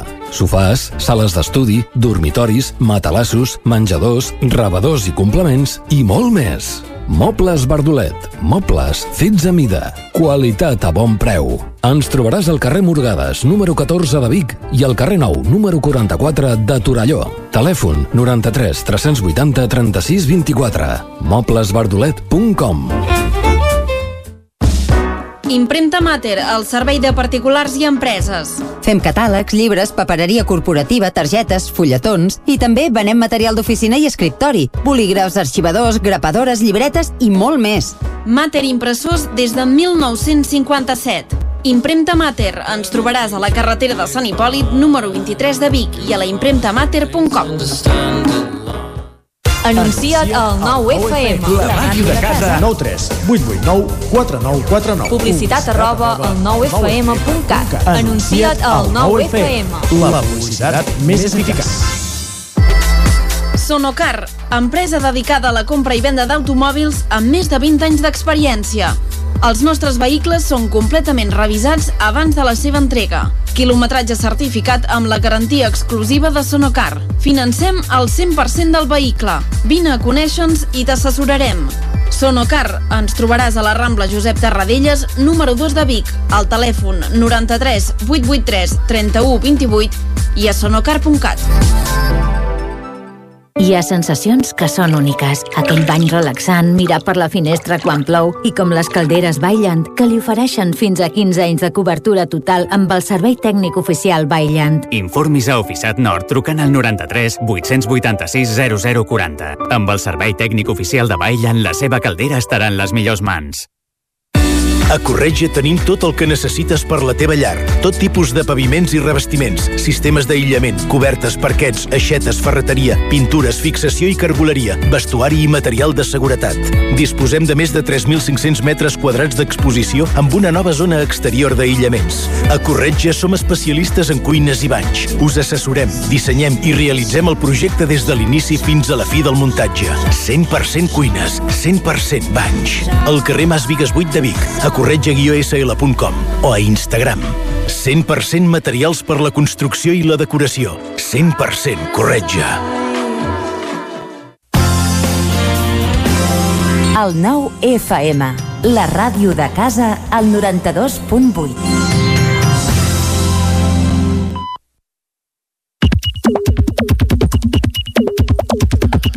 Són dos quarts onze i ara farem una ullada al que s'està dient per Twitter amb la Clàudia Dinarès. Clàudia. Molt bon dia de nou. Uh, entrem a Twitter a veure què diu la gent. De moment, uh, un dels debats que, que està sortint és el de la nova tarifa de l'electricitat. Qui n'ha parlat és Agustí Danés, que és el director editorial del 9-9, que diu amb la nova tarifa de l'electricitat fem molta conya sobre si ara s'ha de planxar a les 500 o si les rentadores s'han de fer de matinada, però si dediquéssim una estona a parlar de la xifra de negoci de les elèctriques, em fa l'efecte efecte que ens passarien les ganes de riure. El respon Lluís Chandri, que diu, ja t'ho asseguro, són com la banca, sempre guanyen. Anem a un altre debat, eh? encara en el marc d'aquesta nova tarifa de l'electricitat. Ara qui en parla és la Míriam El Mojadab de Quibic, que diu, doncs res, aquí amb el centrifugat dels veïns com a melodia nocturna. És que què govern progressista ni què hòsties. El contesta Arnau com a Joan, que diu, malauradament, els nostres veïns ja tenien aquest meravellós costum abans. I la Míriam el torna a respondre i diu, crec que és la de dalt, són els francesos i els hi dic que si es podien permetre petar-se el toc de queda, fer festes entre setmana i assumir-ne la multa, poden posar la rentadora a una altra franja. Però, esclar, si estan acostumats a viure de nit aquesta gent, ara qualsevol els hi canvia els costums. Exactament. Uh, canviem ara de tema perquè ahir va esclatar un altre fil a Twitter, uh, molt relacionat a més amb aquesta casa. Qui va obrir el meló va ser Arnau Tordera, que va dir benvolguts al 9TV i al 99. Ahir en Red Perill em feia coneixedor del fet que no és possible de trobar la primera entrevista que es va fer a Obeses i que la va fer el nostre company aquí present, Jordi Sunyer. Sí, senyor. Diu, Me'n recordo, me'n recordo. Entrevista mítica que va triomfar a l'APM. Diu, m'interessaria molt recuperar-la i exposar-la especialment per posar de manifest que tot el que s'hi deia s'ha complert. Gràcies. Uh, Mercuri, que és un usuari de Twitter, li deia entrevista massa llarga, quins minuts són els importants? I ell responia tots els meus minuts ho són. Fins que algú del nou eh, va despertar i va dir aquí podeu trobar l'entrevista del 22 de desembre de 2010. I ell, doncs, agraïa el gest del nou i deia moltíssimes gràcies. Això és fer-li un lleig a l'Arnau Tordera com si ell tingués minuts dolents. Bé, i el programa, escolta, no és, no és Twitter, durava, crec que durava una hora, eh? Que en aquelles èpoques el bon cop de rock, o 55 minuts. Per Mític tant, programa musical. I tant, i tant. Jo confesso que el vaig recuperar. Sencer. No, Ah, va. no vaig aguantar. Uh, un altre dels temes uh, molt recurrents uh, durant el dia d'ahir i sobretot el dia d'avui a les xarxes socials és la Patum. Uh, no és el territori 17, però bé, són bons veïns, hi ha bon veïnatge, per tant també en podem parlar. Uh, qui obria aquest meló era Abraham Urriols, periodista de TV3, que deia avui dimecres de Patum, sense Patum, torna la nostàlgia. A Berga fa dos anys que no es repeteixen aquestes imatges i aquí adjuntava doncs un vídeo de la Patum força emotiu. El contestava Jordi Borralleres eh, que li deia dolentíssima la idea d'obrir Twitter a aquesta hora i anar a dormir amb la llagrimeta enganxada al coixí. Canviem ara de tema i eh, el que fem ara és parlar de vacunes. Uh -huh. ahir eh, s'atava aquesta última hora, les persones d'entre 45 i 49 anys ja poden demanar hora per vacunar-se de la Covid i la Pous, que és una noia doncs, que piula molt, deia alerta, encara sóc massa jove, han dit. Per tant, entenem que es situa per sota dels 45 anys i encara no la vacunen, cosa que ara et fa sentir molt jove. Deixa'm confessar que jo estic en aquesta franja i que ja tinc hora. Així no Ah, ets queda tan jove, eh? No, no soc tan jove, no, no, és cert. I com que és un vaja. professional íntegre i anirà un divendres perquè si es troba sí, malament no es hora, peti el que, programa. que, correcte, correcte. Vam triar l'última franja de divendres que ve, ja ho deixo dit i tot. Va. I acabem amb un altre piulaire i a més a més de la casa que també parla de la campanya de vacunació. Ell ja eh, eh, llueja de tenir la pauta completa diu vacunat des del matí. Parlem de Jordi Vilarrodà, cap de Cultura del 9-9 que deia noto la immunitat que s'escampa des del braç a tot el cos i em sento com una antena ambulant de 5G espero les ordres de Bill Gates. Bromes a part, vacuneu-vos. Visca la ciència i visca els científics. Carai. Bé, li demanarem avui quina és la seva opinió sobre el seu estat postvacunal eh, en Jordi Vilarrodà. Moltes gràcies, Clàudia. Ara fem una ullada a les portades del 99.cat. Correcte, doncs comencem per la portada d'Osona i el Ripollès, el 99.cat de color vermell, que obre explicant que enginyers jubilats acosten la ciència i la tecnologia a les escoles rurals del Moianès.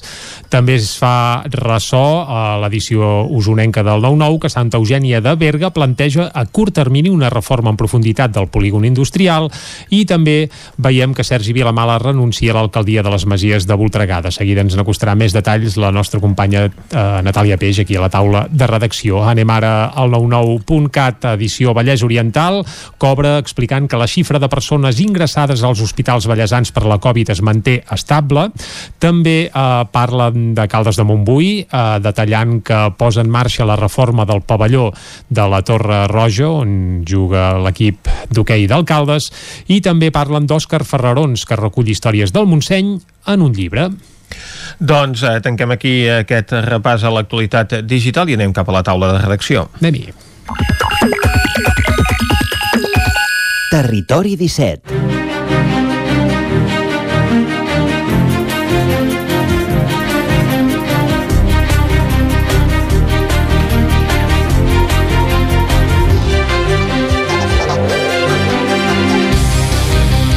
Comencem la taula de redacció amb en Guillem Freixa per parlar de l'oposició a l'Ajuntament de Vic que suposa al pàrquing de la plaça Maria Àngels Anglada. Guillem. Molt bon dia, doncs uh, sí, a la ciutat de Vic en aquest mandat que hi han uh, diversos uh, temes que quan han sortit en el, en el ple municipal doncs han generat certa tensió o han posat sobre Mhm. la taula uh, les diferències entre l'oposició formada per Esquerra, la CUP i el PSC i l'equip de govern amb Junts per Catalunya. Un d'ells és aquest aparcament de la plaça Maria Àngels Anglada, ara un espai eh, públic, és al darrere de l'edifici del Seminari Vell, un edifici edifici que fa molts anys que està en desús, o una, una bona part de l'edifici fa anys que està en, en desús, i en aquest eh, mandat eh, es va treballar un projecte per poder fer un aparcament soterrat en aquest espai eh, públic. Això de retruc feia també més atractiu aquest espai ara en desús del Seminari Vell per intentar vendre'l. És un edifici de titularitat eh, municipal i intentar vendre'l i que s'hi col·loqués alguna empresa, alguna entitat, algun servei que també ajudés a que no es degradés més tota aquesta zona de la ciutat. Com dèiem, aquesta mesura d'intentar fer o de tirar endavant un aparcament soterrat no ha agradat ja d'entrada a l'oposició que en totes les votacions en què sortia aquesta temàtica doncs eh, ja ha emès el seu vot eh, negatiu sí que ha sigut ha fet l'efecte de fer l'edifici més atractiu perquè el seminari vell finalment s'ha pogut eh, vendre si eh, l'ha comprat consultori eh, Vallès per ampliar entenem les seves eh, instal·lacions eh, en un eh, futur. I com dèiem aquesta via política en què l'oposició ha anat eh, expressant eh, dubtes, eh, incògnites oposició eh, en general a, a aquest tema doncs la via política no ha tingut recorregut bàsicament perquè a l'Ajuntament de Vic Junts per Catalunya hi té majoria absoluta, per tant, uh -huh. podien anar tirant endavant eh, tots els eh, processos. Aquest eh, dimecres a la tarda, què va passar? Doncs que aquests tres partits de l'oposició, Esquerra, la CUP i el PSC, van fer una compareixença conjunta uh -huh. a través de les seves uh, portaveus de, de Maria Balasc, de Carla Dinarès i de Carme Atena a la sala de la columna de l'Ajuntament de Vic, per tant també un escenari força uh, emblemàtic per uh -huh. explicar aquest fet, la via política s'ha esgotat, no hi ha hagut voluntat d'entesa de debatre aquest projecte de fer un aparcament al Parc Maria Àngels Anglada, uh -huh. doncs obrim una altra via per mostrar la nostra oposició i és la via judicial. Uh -huh. Portaran eh, als eh, tribunals aquest eh, procés de creació d'un aparcament al Parc Maria Àngels eh, Anglada.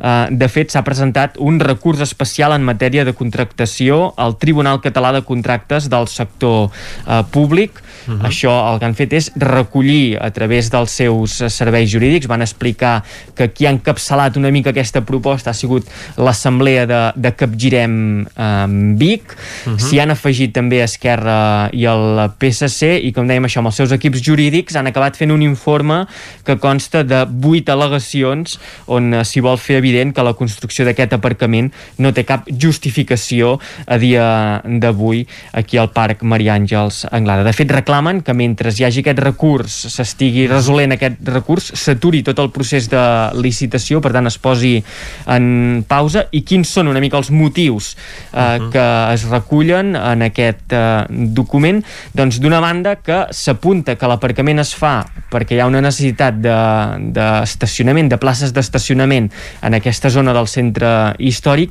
i ells uh -huh. creuen que, que no, que es basa en un document obsolet de l'any 2010 i que a més a més aquest aparcament no resoldria el possible dèficit de places d'aparcament perquè de la quarantena que se'n preveuen uh mhm. -huh. només 10 serien per al públic en general i la resta seria per a l'entitat que hagi comprat el seminari vell. També perquè en els últims anys a la ciutat de Vic s'han anat, uh, anat expulsant els cotxes del centre uh mhm. -huh. històric, la circulació de vehicles doncs s'evita que entri cap a, aquí al, al nucli antic de Vic i que aquest aparcament el que provocaria precisament és eh, que hi tornés a haver aquesta circulació, aquesta rotació uh mhm. -huh. de, de vehicles. També apunten que l'aparcament no té cap interès públic, sinó que respon a interessos privats del comprador del seminari vell per poder uh mhm. -huh. tenir places d'aparcament a oferir als seus clients. I per últim també un, un motiu que crida l'atenció i és que creuen que hi ha elevades possibilitats de, un cop es comenci a perforar aquesta plaça Maria Àngels Anglada, doncs que s'hi acabi eh, trobant restes arqueològiques, un uh -huh. fet que també faria paralitzar la, les obres, si més no, fins que poguessin analitzar exactament què és el que hi ha allà sota. Per tots aquests motius uh -huh. reclamen que s'aturi aquest, uh, aquesta construcció d'un aparcament soterrat a la plaça Maria Àngels Anglada i que es mantingui com a espai públic de la ciutat de Vic i en concret d'aquí del nucli antic. Doncs moltes gràcies, eh, Guillem. Nosaltres ara anem a les Masies de Voltregà a parlar de Sergi Vilamala, que demà deixarà de ser alcalde d'aquesta població, Natàlia. Hola, bon dia. Doncs sí, demà a les 6 de la tarda uh -huh. és Mhm. quan està previst aquest ple extraordinari en què eh, Sergi Vilamala doncs, donarà compte de la seva renúncia a l'alcaldia.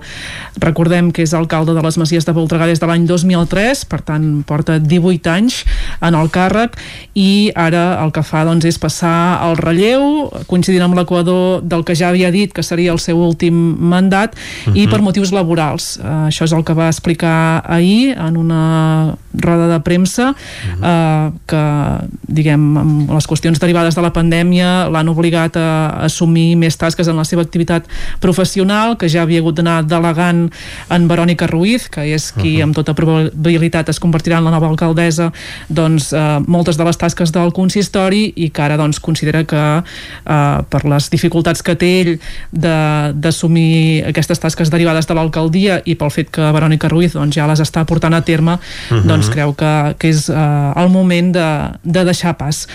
Vilamala continuarà com a regidor uh, fins a l'any 2023 uh, s'encarregarà de, de la regidoria d'Hisenda. Sergi Vilamala hi feia balanç d'aquests 18 anys a l'alcaldia de les Masies de Voltregà destacava sobretot aspectes educatius amb l'escola Bressol de Can Riba eh, que estava vinculada a l'antiga fàbrica i que doncs, el, el seu govern va municipalitzar i, i ha quedat l'escola Bressol eh, com a equipament eh, del municipi i també doncs, la resta d'equipaments educatius que permeten que al Voltreganès l'escolarització hi pugui ser del 0 als 18 anys Mhm. també eh, es va fixar en el desenvolupament de la zona del Despujol, incloent la rehabilitació de la Casa Forta, que és la seu de l'Ajuntament, i del polígon industrial, on aquests últims anys doncs, s'hi han instal·lat també eh, noves activitats. I va fer un balanç també en els aspectes negatius i va situar doncs, el clima enrarit que hi ha hagut eh, en alguns moments eh, dins de l'Ajuntament mateix de les Masies de Voltregà i també en la relació amb Sant Hipòlit. Va parlar ell de tres persones en concret, no em va dir els noms, eh, però bé, sí que va fer esment doncs, de les denúncies que s'havien interposat contra ell per part d'exregidors de Ciu de les Masies i de Sant Hipòlit, també va dir doncs, que ara els, eh, les aigües estan molt calmades i que, de fet, eh, Sergi Vilamala i el seu grup, que és Sumem per les Masies de Voltregà, vinculat al PSC, doncs està governant ara mateix a, a les Masies amb Junts per Catalunya. Tot i que té majoria absoluta. Exacte. Per tant, el canvi de... el relleu a l'alcaldia no afecta per res a la governabilitat i no depenen d'altres grups perquè es pugui escollir un altre alcalde.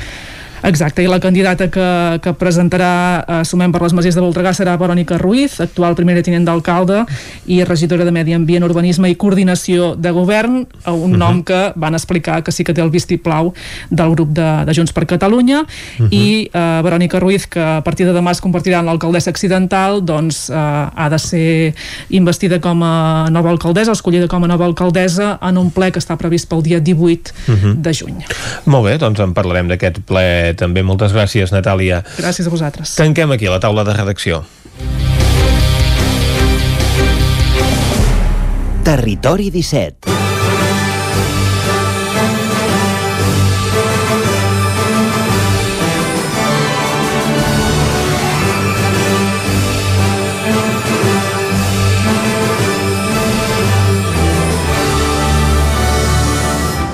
Doncs quan passa gairebé un minut de tres quarts d'onze del matí, Vicenç, tanquem taula de redacció i anem cap al cinema. Anem cap al cinema. Cada dijous, aquí a Territori 17 anem al cine, però jo i en Vicenç, Vicenç no som uns experts eh, en la matèria, eh, perquè ens hem d'enganyar. Això del cine ho veiem una cosa molt fosca.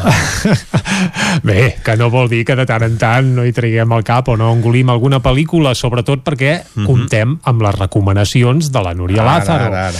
que ella sí que hi entén del món del cinema i cada setmana posa llum a la foscor en aquest àmbit i a part de repassar la cartellera sempre abans ens introdueix alguna temàtica relacionada amb això, amb el setè art i per tant per arrencar li demanarem de què ens parla avui, no? Oh, i tant. Doncs va, Núria, de què ens parlaràs avui? Doncs avui parlem de pel·lícules que es van estrenar durant els darrers anys i Mhm. que ja estan disponibles de manera online. Algunes d'elles n'hem parlat moltíssim aquí al cinema, per tant segurament us sonen i ja les podeu veure a grans plataformes com Amazon Prime, HBO o Netflix.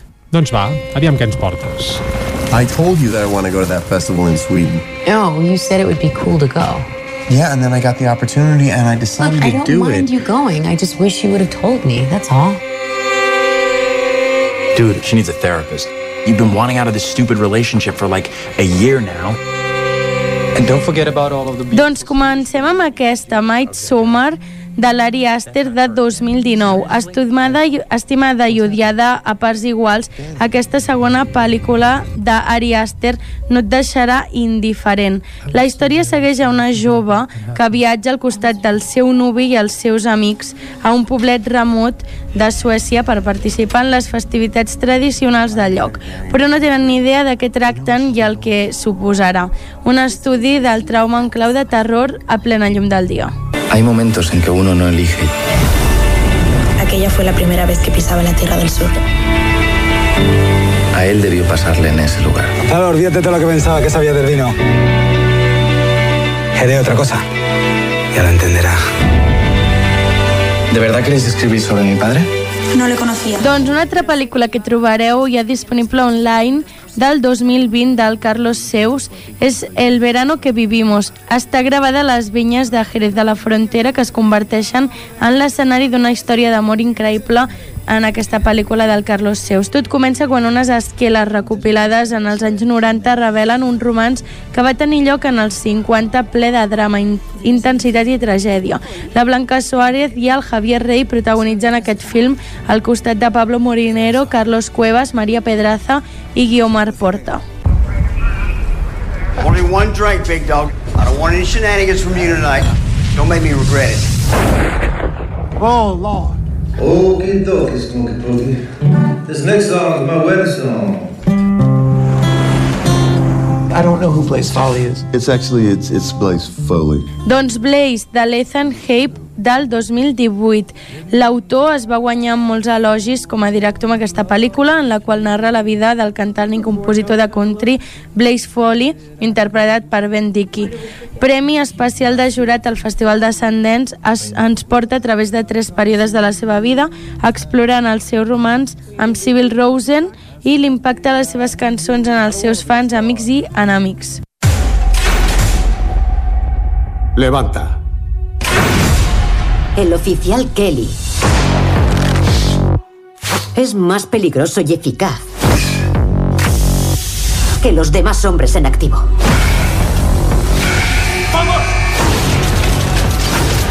Doncs pel·lícula d'aquest any, del 2021, de Stefano Sollima, sense remordiments. Jack Ryan pren seient, John Clark ve a robar-te el protagonisme.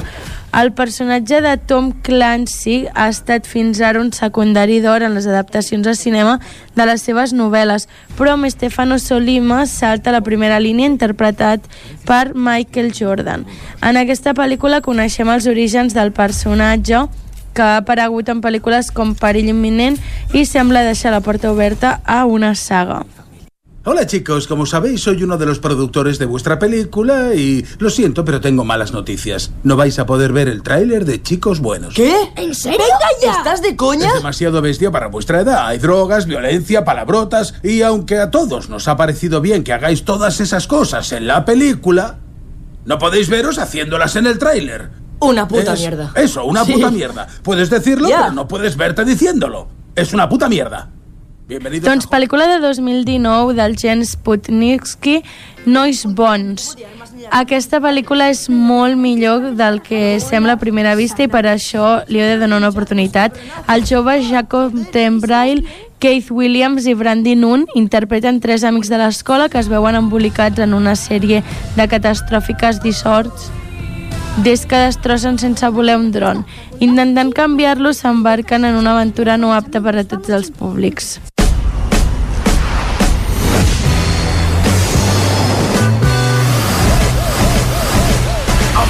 ¡Hey! ¿Qué haces otra vez por aquí? ¡Mufasa! Acabo de saber que tal vez tenga un hijo en esta tierra. ¿Cuánto te quitan de pensión? El rey no paga ninguna pensión. ¿Te pasas 30 años sin pasar una pensión y vuelves? ¡Tú eres tonto! Hola, soy Akim Joffer, rey de Zamunda. Doncs pel·lícula de 2021, El rei de Zamunda. Eddie Murphy recupera aquí el seu mític personatge del príncipe de Zamunda, que ha passat d'hereu a rei del seu país. Si en la seva primera aventura tenia la missió de trobar una dona a Nova York, ara, sota la batuta de Craig Weber, i el lideratge indiscutible de Murphy haurà de trobar el fill que no sabia que tenia. Ell serà al capdavant el seu successor en el tro. Comèdia elevada a l'absurd, especialment recomanada pels nostàlgics. You brothers, you could move mountains without lifting a finger.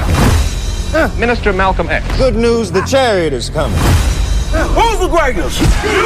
That's right. Jim Brown takes the ball. Your record is going to stand the test of time. All together, yeah. The entire city of Miami is celebrating. I'm the new heavyweight champion of the world, and I don't even have a scratch on my face. Oh my God. Doncs la primera pel·lícula de King com a directora s'ha endut molts afalacs de la crítica i és que ha retractat d'una manera molt correcta els conflictes racials als Estats Units i les diferents maneres d'abordar grans figures de la història que podria passar ara mateix en l'actualitat.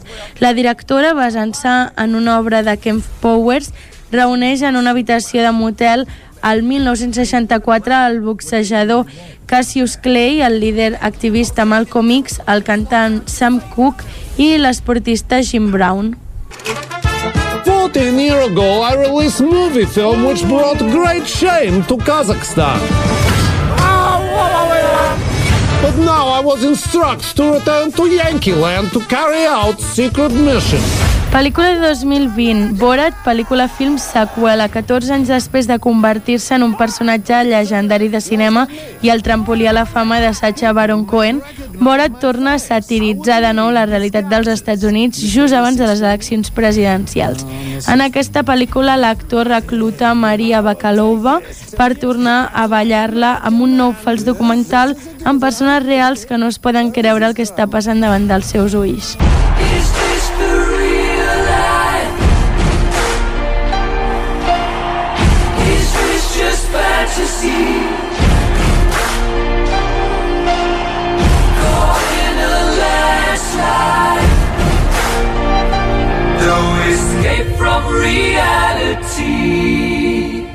Doncs un altre que teniu disponible ja de manera online a Amazon Prime i que fa poquet també van fer per televisió és la pel·lícula de Bohemian Rhapsody del 2018. Va ser un èxit absolut a les sales de cinema espanyoles i va guanyar diversos Oscars, inclòs el de millor actor per Rami Malek. Aquesta pel·lícula explica la història d'una de les bandes més llegendàries de la història de la música. Queen va néixer per guanyar-se el cor de milions de fans de tot el món, però la seva història és sobretot la història de Freddie Mercury, un ídol de masses que va morir massa aviat i una pel·lícula que està bastant ben feta, sobretot l'escena final, jo crec, des del meu punt de vista sempre, eh, per mi és boníssima, està molt ben feta, molt fidel a la realitat i a mi m'agrada moltíssim i ara doncs teniu l'oportunitat de veure-la online a través d'Amazon Prime i veure-la tants cops com vulgueu. Necesito un billete. ¿De dónde? Para casa. Viene a casarse. Uy, qué va. Ahí se la han dejado en el altar, mírala la cara. En 3, 2, 1, música. Eres bailarina. Doncs una pel·lícula espanyola del 2020 del Nacho Álvarez, Explota, explota. Mm, una pel·lícula musical made in Spain, no, no se'n veuen gaires, la veritat, però bueno, per això suposo que aquesta pel·lícula va ser tot un esdeveniment a l'estil Mamma Mia, però també un estil una mica cutrot. Agafa les cançons més mítiques de la Rafaela Carrà i compon la història de la Maria, una aspirant a ballarina que troba el seu gran debut a la televisió, tot i que potser els seus moviments estiguin massa avançats a, aquesta, a aquests encara franquistes principis dels 70. Eh, pel·lícula que també teniu disponible a l'Amazon Prime per si la voleu veure, no està del tot malament però tampoc és una mega producció today might be a good day. Hope is a dangerous thing. I ja per acabar, una pel·lícula que n'havíem parlat moltíssim aquí a Territori 17, el 2019, és la pel·lícula de 1917, va ser la guanyadora als Globus d'Or a millor pel·lícula a la categoria dramàtica. És la pel·lícula bèl·lica del Sam Mendes i és de les que fan caure d'esquena. Una aventura en ple seqüència a través de les trinxeres de la Primera Guerra Mundial, seguint a un parell de joves soldats que han de lliurar un missatge que podria canviar el curs de la guerra, una pujada d'adrenalina que teniu disponible a l'Amazon Prime. No t'ho perdis. Estrenes de la setmana. Doncs passem ara a les estrenes de la setmana i ho farem com sempre amb el cinema Esbarjo de Cardedeu.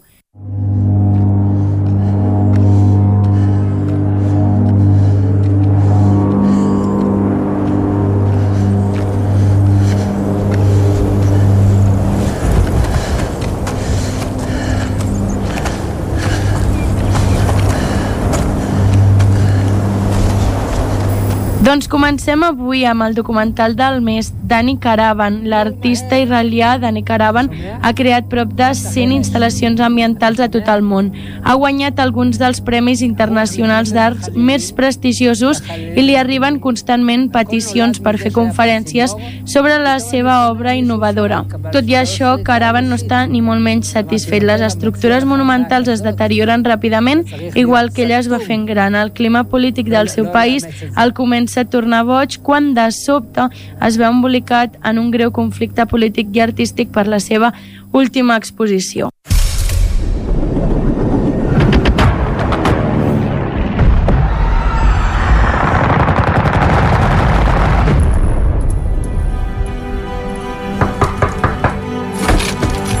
I aquest cap de setmana, divendres, dissabte i diumenge, al Cinema Esbarjo hi haurà El fotògrafo de Minamata, una pel·lícula del 2020 amb el Johnny Depp com a protagonista, en versió original en anglès, subtitulada al castellà. Està ambientada al Nova York del 1971, després dels celebrats dies com un després dels celebrats dies com un dels fotoperiodistes més venerats de la Segona Guerra Mundial, Eugene Smith se sent desconnectat de la societat i de la seva carrera.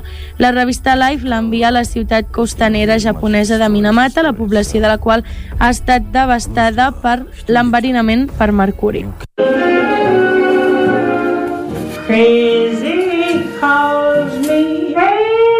¿Puedo preguntar quién es este hombre tan guapo?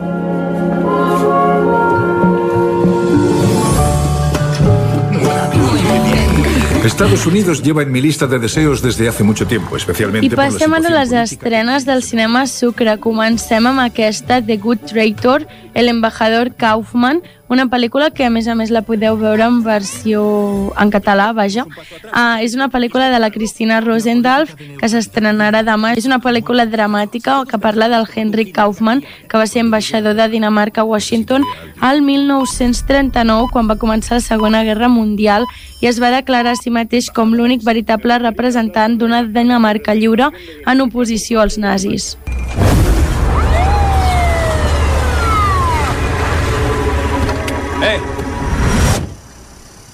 ¿Estás bien?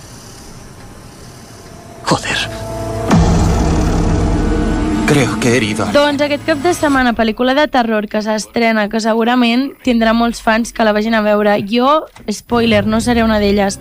La pel·lícula és Expediente Warren Obligado por el Demonio. Ambientada en els anys 80, Letty i la Lorraine Warren hauran d'afrontar un nou cas que es presenta amb un home, l'Arn Shane Johnson, que és acusat d'assassinat després d'haver estat posseït per un dimoni.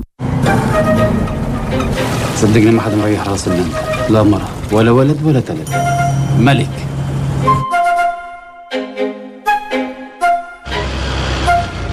أنا قررت أتجوز.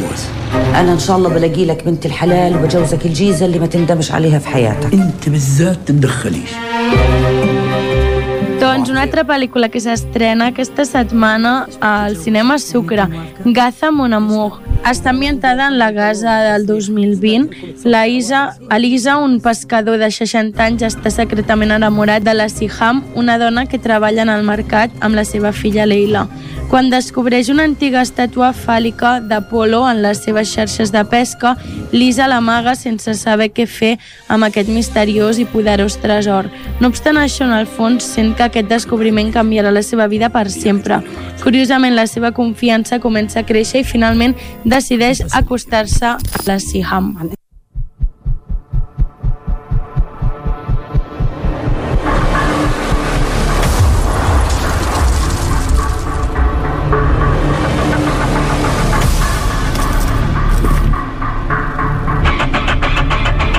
Doncs aquest cap de setmana també s'estrenarà Shorta, el peso de la ley.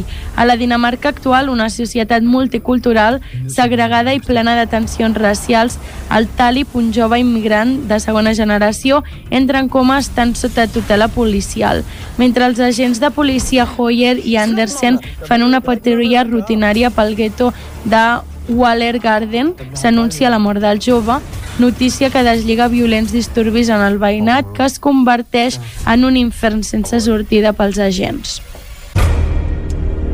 Desde el principio me di cuenta de que yo no veía el mundo como los demás. Había gente a la que eso no le sentaba muy bien. Pero yo no estaba hecha para todos los gustos. Que les daba miedo. I per acabar aquesta setmana, l'estrena del Cinema Comtal de Ripoll, ja en vam parlar la setmana passada perquè es va estrenar al Cinema Sucre, les crítiques són bones i és la pel·lícula de Cruella, una biopic sobre la malvada del 101 Dàlmates que la podeu veure tant al Cinema Sucre, per cert, tot i que es va estrenar la setmana passada, encara està en cartellera, i també la podeu anar a veure al Cinema Comtal de Ripoll aquest dissabte, diumenge i dilluns en una sessió a dos quarts de vuit de la, a dos quarts de nou de la tarda, perdó, amb un preu reduït de 4,80. Y solo acabo de empezar, querido.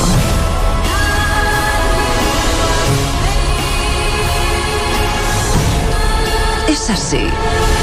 Nací siendo brillante, malvada y un poco loca.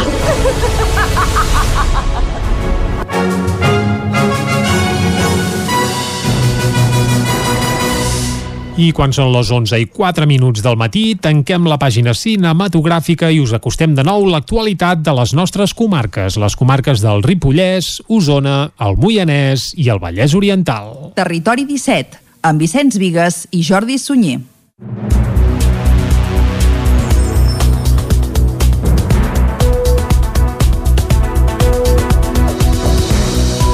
Ho avançàvem ahir. Sergi Vilamala, alcalde de les Masies de Voltregà des de l'any 2003, deixa el càrrec. La renúncia es formalitzarà en un ple aquest mateix divendres i el testimoni l'agafarà la fins ara primera tinent d'alcalde Verónica Ruiz. Vilamala continuarà a l'Ajuntament com a regidor fins al 2023. Després de 18 anys en el càrrec, Sergi Vilamala deixa l'alcaldia de les Masies de Voltregà. Ha presentat la renúncia per motius laborals i passarà el relleu a l'actual primera tinent d'alcalde, Verònica Ruiz. Vilamala continuarà a l'Ajuntament com a regidor d'Hisenda fins a finals de l'actual mandat, que ja havia anunciat que seria l'últim. He hagut d'anar delegant eh, moltes coses a la primera tinent d'alcalde i per tant doncs, al final arribes a la conclusió que el que convé és que la persona que ja ha estat portant el pes del darrer any d'Ajuntament doncs, el continuï portant perquè eh, per mi era impossible poder-ho gestionar. L'escola Bressol de Can Riba i la resta d'equipaments educatius que permeten l'escolarització al municipi del 0 fins als 18 anys són el primer que destaca Vilamala a l'hora de fer balanç. També parla del desenvolupament de serveis i equipaments a la zona del Despujol, incloent la rehabilitació de la Casa Forta com a seu de l'Ajuntament o el polígon industrial. Per tant, jo crec que els tres pilars bàsics de, de desenvolupament social, educatiu i econòmic l'hem dut a terme juntament amb la planta potabilitzadora i a més amb una estabilitat econòmica en què l'Ajuntament ni té càrrega financera ni té deute viu en els aspectes negatius i va situar, entre d'altres, les denúncies que van presentar contra ell els exregidors de Convergència de les Masies i de Sant Hipòlit, Montse Porta i Joan Torró. Aquesta disputa estèril només ha servit perquè ells finalment s'anessin a casa i poguéssim iniciar un procés amb gent jove que tinguin ganes de treballar pel poble Vilamala, que en els quatre primers mandats es va presentar amb les sigles del PSC i en l'actual amb la marca blanca dels socialistes, Sumem, es felicita de la relació que hi ha ara entre els grups municipals de l'Ajuntament, on el seu grup, que té majoria absoluta, governa amb Junts. La seva renúncia a l'alcaldia es formalitzarà aquest divendres en un ple extraordinari que es farà a les 6 de la tarda. El dia 18 de juny, a la mateixa hora, hi haurà la sessió que haurà d'escollir Verònica Ruiz com a nova alcaldessa. Alumnes de l'Escorial de Vic es van estrenar ahir al matí amb les proves d'automostra. Ho van fer en el marc d'una prova pilot de l'Institut Català de la Salut que vol avaluar noves estratègies per la det detecció de la Covid-19 en l'àmbit escolar. L'Oriol i l'Arnau són alumnes de quart d'ESO de l'Escorial de Vic, que ahir al matí, en una aula adaptada a l'edifici Mascaró, es van estrenar amb les proves d'automostra. Ho van fer en el marc d'una prova pilot liderada per l'Institut Català de la Salut a la Catalunya Central, que vol avaluar noves estratègies per a la detecció de la Covid-19 en l'àmbit escolar. Amb la supervisió de professionals sanitaris, els alumnes es van fer la mostra per PCR mitjançant frotis nasal. Ho expliquen per aquest ordre Oriol Marco i Arnau Canadell. Trobo que és molt còmode i que tu pots fer molt ràpid i treus resultats doncs, que són fiables i pues, estàs com més tranquil. Bé, jo crec que està bé. És bastant fàcil, m'esperava que fos més complicat i bastant pràctic i ràpid. Tot plegat forma part d'Escoles Sentinella, un projecte de recerca dels Departaments de Salut i Educació que té com a objectiu monitoritzar l'impacte de la pandèmia a les escoles a partir del seguiment actiu dels alumnes, de les famílies i dels treballadors dels centres.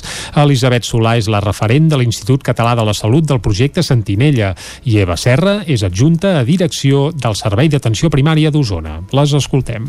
Creiem que els nanos han acceptat molt bé, estan contents i creiem que fan bastant bé la tècnica. Llavors l'objectiu d'aquest estudi pilot bàsicament és veure la viabilitat que pot tenir eh, fer aquest autotest, ja que el test ràpid antigènic no està eh, validat com a autotest, i a més a més poder veure l'acceptabilitat de part dels alumnes de, de partir de tercer d'ESO.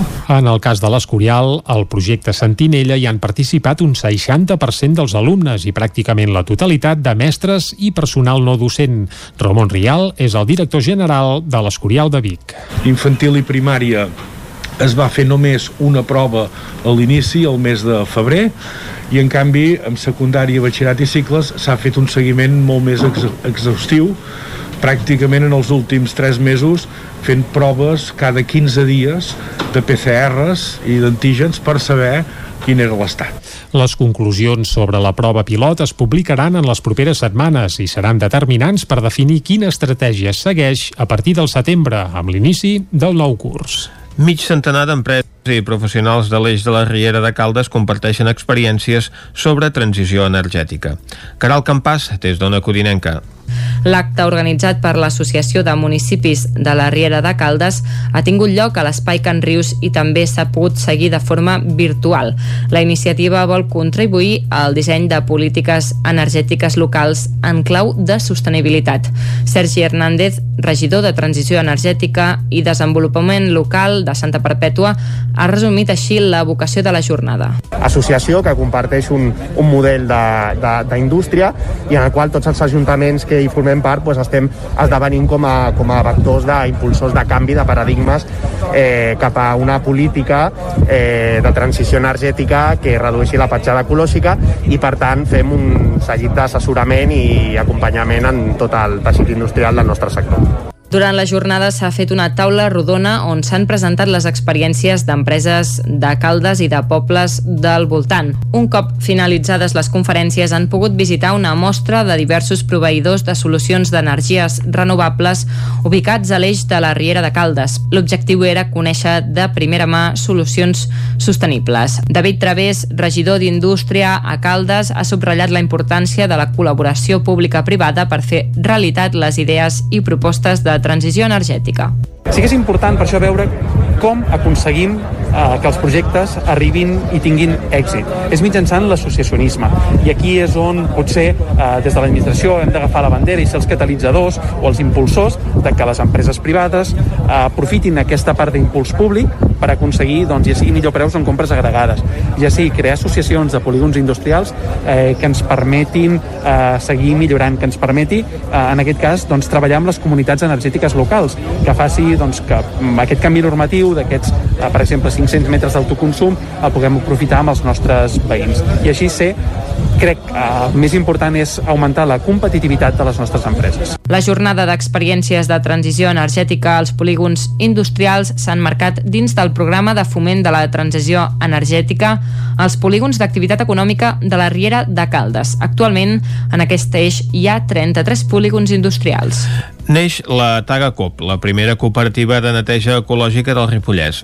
Isaac Muntades, des de la veu de Sant Joan. La Taga Cup de Sant Joan de les Abadeses es vol convertir en la primera cooperativa de neteja ecològica de la comarca. Actualment, la Taga Cup compta amb tres sòcies fundadores i ha iniciat una campanya de micromecenatge a la plataforma Goteo per tal d'engegar el projecte. Es poden fer aportacions de 5 a 250 euros que permeten obtenir recompenses que van des de làmines exclusives, cerveses, samarretes o tallers. Per iniciar el camí necessiten almenys 10.345 euros en 39 dies. Per ara ja hi ha nou mecenes que han aportat 300 euros. La intenció d'aquesta cooperativa, que es va començar a gestar a finals del 2020, és arrencar a finals d'agost o a principis de setembre, tot i que no descarten fer-ho abans. De moment, el seu àmbit d'actuació només serà el Ripollès i a partir d'aquí intentaran seguir creixent. Una de les tres sòcies, o Antanés, exposava quins són els seus objectius. La cooperativa de neteja surt una, una mica del fet d'haver de dignificar els llocs de feina dins del món de la neteja i clarament perquè apostem per, per altres mètodes que no són els químics, que és l'entrada principal de, de tòxics en les nostres llars. Pel fet de la dignificació, perquè no creiem en, en les grans empreses, creiem en el treball de forma horitzontal, participatiu, i això i dignificador i amb uns valors, i creiem que les grans empreses a vegades es perden aquests valors. Actualment, la xarxa d'economia solidària del Ripollès i la cooperativa de Ripoll els està assessorant legalment per tal d'assolir aquest capital mínim que els permetrà comprar el material de feina com la roba de les treballadores, productes i material de neteja ecològics, material d'oficina, formació específica per a les treballadores i publicitat i creació de la pàgina web. Tanés enumerava quins serveis oferiran pels seus clients. En principi començarem oferint serveis de neteja a particulars, des de domicilis fins a comunitats de veïnes, casa de turisme rural, oficines, espais públics i privats de, com és a dir, pavellons, totes aquestes coses. I en un futur està pensat perquè el negoci, el negoci vagi creixent i puguem abarcar també el manteniment i, el, i la neteja dels jardins a través de, de, també de mètodes ecològics, tot. A més, a la llarga també esperen poder vendre la seva pròpia línia de productes ecològics a petita escala per particulars. La Taga Cup també compta amb l'experiència, ja que una de les seves sòcies ha treballat més de 20 anys en el sector. D'entre els dos concerts que el Festival Labyrinth Catalunya va oferir aquest passat cap de setmana al Teatre Auditori de Cardedeu, diumenge va ser el torn d'una nit de ragues. David Oladell, de Ràdio Televisió Cardedeu. Les ragues són composicions regides per esquemes melòdics d'improvisació que s'utilitzen a l'Índia. Es tracta d'un sistema antic que es considera microtonal perquè divideix l'octava en 22 intervals, que són menors que el semitó. En general, la música hindú està basada en una melodia única d'un instrument acompanyat de percussió. En Jordi Prats i en Ciro Montanari van fer una mostra d'aquesta música i després van afegir Gungur Ensemble amb un violí en el marc del Festival Labyrinth Catalunya, que enguany no s'ha celebrat durant la Setmana Santa a causa de la Covid, però sí que han mantingut els concerts del festival. Cristos Barbas, president del Festival Labyrinth Catalunya. La música de India es una música que está como basada mucho en el, en el estilo vocal de la, el canto y los instrumentos, digamos, no tocan muchos a la vez, no tocan, en, digamos, con una banda con guitarra, piano, con armonía y acordes y una voz cantando, sino el instrumento mismo tiene el, el paper de la voz. El Festival Labyrinth es va haver d'adaptar l'any passat a les conseqüències de la Covid, fent els seminaris en línia, i aquest any es plantegen fer-lo de cara a l'octubre, esperant que les mesures sanitàries siguin més permissives, permetent així la internacionalitat del festival amb alumnes i professors d'arreu del món. I fins aquí el butlletí informatiu de les 11 del matí que us hem ofert amb Vicenç Vigues, David Auladell, Caral Campàs i Isaac Muntades. Ara ens prenem una breu pausa, re mig minutet, i de seguida saludarem en Jordi Soler, que cada 15 dies ens il·lumina interiorment aquí a Territori 17. Territori 17. Envia'ns les teves notes de veu per WhatsApp al 646 079 023. 646 079 023. WhatsApp Territori 17.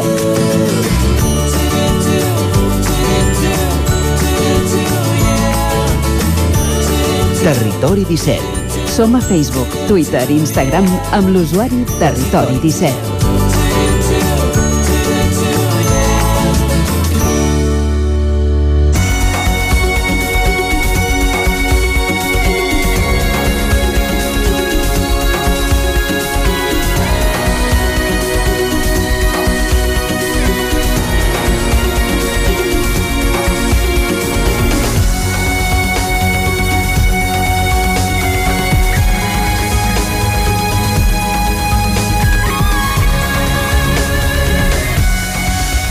I quan passen gairebé dos minutets d'un quart de dotze del matí, Vicenç, és el moment de saludar en Jordi Soler, que ja el tenim Sí, aquí. senyor, que ens alegri interiorment. Exacte. Jordi, molt bon dia. Molt bon dia. Aviam, de què ens parlaràs avui? Avui parlarem de l'ull màgic. L'ull màgic. L'ull màgic. L'ull màgic que no és el del Tenshin Han, eh? Ni, ni cap personatge així de, de còmic que ens vingui ara al cap, eh? Uh, No. Et, et, ressona, et ressona per això? Home, amb... Què ho vincules, a part d'aquests personatges que comentava Sara? Ostres, ara pla, eh? Ull màgic. Imatge. Mm. Uh, Aquestes imatges... El que no es veu, potser, eh? Sí, el, sí, sí. sí? Uh -huh. el que no es veu. Correcte. Vull dir que, en certa manera, uh, ho has encertat. Les imatges estereogràfiques, a vegades les hem vist amb làmines, hi ha llibres, eh? Mhm. Llibres de, de, de l'ull màgic, que hi han tot un seguit de làmines, un seguit d'imatges indexifrables. Eh, Ah, ara estic situ uh, situat, eh? Aquelles làmines que tu has de com... Vaja, deformar no seria la paraula, eh? Però acostar molt la vista allà i acabar veient una imatge en un lloc on en teoria no hi ha gaire res, eh? Correcte. És veritat, aquests llibres de l'ull màgic ara m'han vingut i segur que en Vicenç en té casa i tot. Doncs em temo que no. doncs això. Tots n'hem tingut a les mans en algun moment. Sí, sí, sí. Alguns hem set capaços de captar uh, la imatge amagada en 3D, d'altres ens hi hem posat nerviosos i ho hem deixat de banda. Uh -huh. I, esclar, tu em preguntaràs què té a veure l'ull màgic una mica amb els temes de, de programació neurolingüística i... Ja t'ho preguntes tu mateix, ja Ferran. jo Perfecte. mateix. El, el cas és que sempre parlem del no fer, del jo número 2, el Timothy Galway, no? I l'ull màgic, d'alguna manera, eh, la meva experiència Uh -huh. eh, em va fer veure i em va fer entendre una mica més bé què, què és això del no fer, què és el no pretendre, què és el no buscar quan mirem una imatge d'aquestes de l'ull màgic i intentem trobar l'objecte amagat, intentem trobar el... ens esforcem Uh -huh. eh, busquem, treballem per aconseguir-ho i a més a més el nostre ego encara ens empeny per cert, no et recomano mai fer una sessió d'ull màgic acompanyat de tot un seguit de persones No? Per què? perquè tothom comença a veure les imatges i encara et poses més Ah, nerviós clar, com si jo no veig res i aquest ja resulta que ho ha vist tot. Sí, sí, millor Doncs- fer-ho sol, per tant, eh? el, el pretendre el pretendre veure la imatge t'allunya del teu propòsit Uh -huh. eh? vull dir que És a dir, si t'hi atabales, pitjor. Sí, quan més insisteixes, quan més busques, quan més centres la, el focus en la imatge que tu veus, menys ets capaç de veure-la. Jo el primer cop que em va arribar un llibre, em sembla que em va arribar així una mica per casualitat a, a les meves mans, doncs ho vaig intentar, vaig veure que no me'n sortia i vaig abandonar-lo, fins al cap d'uns anys, que no sé per què em va ressonar que allò tenia sentit per mi. Però la mirada que hi vaig posar ja va ser una mirada diferent ja va ser una mirada allò sense cap propòsit Uh -huh. i d'alguna manera aquesta mirada sense propòsit em va costar el meu propòsit vaig aconseguir Veure el que hi Vaig havia aconseguir amagat a, veure a la làmina. Uh -huh. i a partir d'allà doncs ja t'és fàcil perquè d'alguna forma estableixes un codi, un mètode no? per poder-ho veure no, en el meu cas era posava un dit entre jo i la imatge focalitzava, posava el meu focus en aquest dit o en aquest uh -huh. llapis o un element que estigui entre, entre la imatge i jo, per tant deixava de mirar la imatge relaxava la mirada m'oblidava de la imatge mirava el dit o mirava el, el llapis i d'alguna forma apareixia o acabava apareixent l'objecte 3D i és màgic, eh? perquè quan el veus dius, ostres, quin efecte, no? Vull dir, una... No, no, i que et sents realitzat. Jo, jo ara, quan ho has citat, ho recordo, jo tenia un truc que era intentar mirar-me la punta del nas, que el tinc bastant generós, que suposo que després la vista... I a partir d'aquí sovint eh, m'apareixia el dibuix màgic en 3D. Clar, sí, el que passa que el, la nostra tendència és mirar la imatge.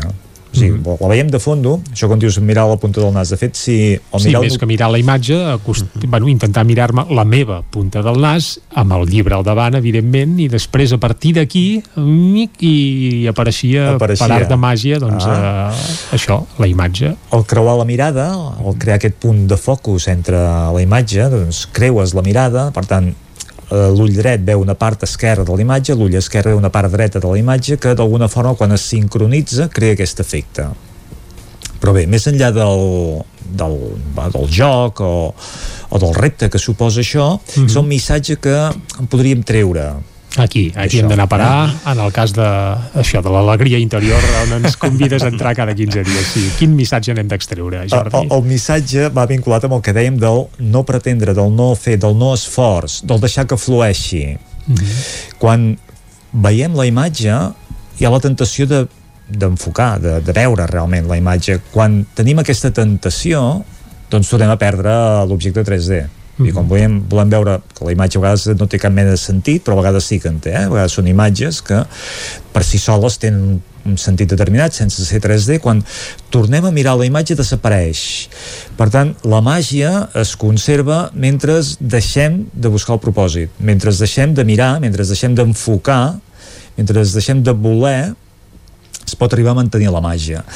I això ens acosta una mica a aquell jo número 2 del Timothy Galway, amb el joc interior, eh? Mhm. Vull dir que quan més centrem la nostra intenció en jugar bé al tennis, ell ho ficava en el context del tennis, Sí, eh? el recordem, aquell, aquella analogia que ens vas fer a través de- d'això, de, del tennis, i tant que sí. aquest joc interior que tenim, de la ment, que busca, que pretén, que vol, no? Que això ens va bé, aquest hemisferi esquerre racional, matemàtic, no? calculador, ens va bé, però en certs casos ens és un impediment eh? ens és una barrera, ens és una limitació perquè ens posa tantes condicions per obtenir un propòsit que aquest accés ens satura i ens impedeix obtenir, doncs, en el cas del tennis, doncs, un, un, bon, un bon toc, un bon Mhm. toc de, amb la raqueta, no? Doncs l'aparició del jo número 2 és eh, a través d'aquest deixar que flueixi la nostra sabidoria natural, deixar que flueixi el nostre coneixement eh, més essencial, no? Aquesta connexió, aquesta connexió amb aquesta part nostra que, que no entenem, que no, perquè la volem racionalitzar, però no la podem racionalitzar, vinculada amb l'hemisferi dret, eh? aquesta part nostra creativa, oberta, no? Omni, que es posa a disposició que sense esforç eh, aconsegueix una mica el millor resultat. I que en el cas de l'ull màgic quan relaxem la mirada quan ens posem a disposició, quan no pretenem doncs eh, apareix una mica el, el que amaga doncs, eh, el secret eh, d'aquesta imatge en 3D, no? I que això per mi va ser va ser tot un, bueno, tot un petit descobriment perquè realment em veia a mi mateix amb l'esforç de no voler perdre la imatge en 3D, no voler deixar de veure no? i el que és curiós és que fins i tot hi ha vídeos, sabies que hi havia vídeos? Doncs no, no, no, no, no. no jo amb els llibres sí que... però vídeos no, no, no. Clar, quan ja tens eh, superat el, el creu del, de la imatge, doncs hi ha imatges, hi ha imatges en moviment, hi ha vídeos animats, llargs, que d'alguna forma doncs augmentes eh, aquest, aquest, aquest pas de, de descobriment perquè mantenir aquesta atenció en la no focalització doncs no deixa de ser un treball també eh? vull dir que mantenir la, el focus en aquest punt intermig pot ser fàcil quan ja s'ha agafat una certa destresa però mantenir-ho amb imatges en moviment que estan canviant contínuament clar, aquí ja és un tema de constància, de realment tenir-ho integrat, integrar aquest deixar fer, vull dir que no n'hi ha prou que jo vagi a la pista de tennis dient avui activaré el meu jo número 2 i que el, la sabidoria natural em guiï no? i faré un toc, faré un toc que potser serà realment natural i ben fet. És dir, mantinc aquest estat durant tot el joc durant tota l'estona, jo ho converteixo en una normalitat. no és una cosa que jo m'he imposat i que d'alguna manera acabo creant un esforç per connectar amb aquesta part, perquè això no funciona eh? és ja estar en aquest estat vull dir, adquirir una mica un estat nou de molta obertura eh, de estar molt a disposició uh -huh. de no posar-se cap propòsit eh, allò cap autoexigència sinó de permetre, no? de donar permís el que arribi, el que sorgeixi a fer el millor joc, a obtenir el millor resultat però dintre d'aquesta tolerància a vegades és millor deixar-nos anar que no pas obsessionar-nos o capficar-nos i atabalar-nos amb un objectiu concret, no? Quan et deixes anar és quan arriben arriba el resultat, quan mm -hmm. arriba la resposta, no? I amb aquests vídeos, quan et deixes anar, gaudeixes perquè són màgics. Mm -hmm. Imagina't un vídeo en moviment, imatges que es mouen, que es desplacen, amb aquest efecte 3D, no? Vull dir que eh, hi ha una mica més de treball, però aquí és realment aconseguim passar d'un moment de màgia a un estat de màgia, no? Doncs Jordi, ens apuntem a aquesta recomanació, fer un cop d'ull a aquests llibres o també vídeos de l'ull màgic i a través d'aquí doncs aplicar-ho en el dia a dia, com ens has ensenyat a fer avui anar. amb aquest deixar-se anar. Ens quedem amb aquest missatge. Jordi, moltes gràcies. A vosaltres. T'esperem d'aquí 15 dies a Territori 17. Nosaltres ara fem una breu pausa i tornem. Fins ara.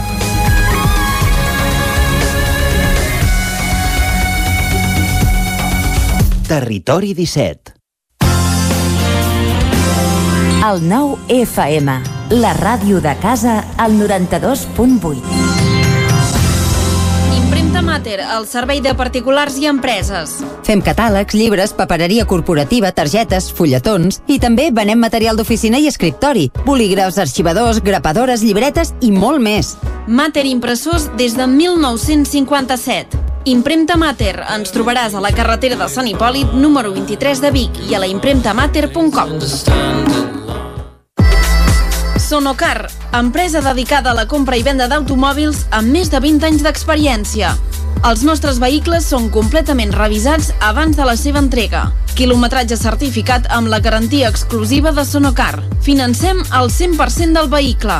Vine a conèixer-nos i t'assessorarem. Sonocar, ens trobaràs a la Rambla Josep Tarradellas, número 2 de Vic, al telèfon 93 883 31 28 i a sonocar.cat. Cocodril Club. Si t'agrada la bona música dels anys 60, 70 i 80, escolta el 9 FM als matins de dissabtes i diumenges d'11 a 1. És el temps del Cocodril Club, tot un clàssic de la ràdio, amb les bases del pop-rock, les llegendes, les cançons que s'han convertit en autèntics himnes. Recorda, dissabtes i diumenges al matí, d'11 a 1, al 9 FM 92.8. Cocodril Club, el programa revival de l'Albert Malla. Hasta luego, cocodrilo. Anuncia't al 9 FM. La màquina de casa. 9 3 8 8 9 4 9 4 9. Publicitat arroba al 9fm.cat. Anuncia't al 9 FM. La publicitat més eficaç.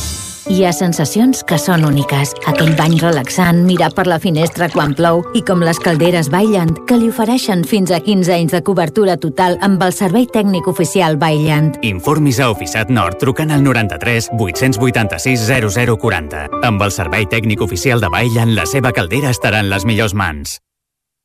A Corretja tenim tot el que necessites per la teva llar. Tot tipus de paviments i revestiments, sistemes d'aïllament, cobertes, parquets, aixetes, ferreteria, pintures, fixació i cargoleria, vestuari i material de seguretat.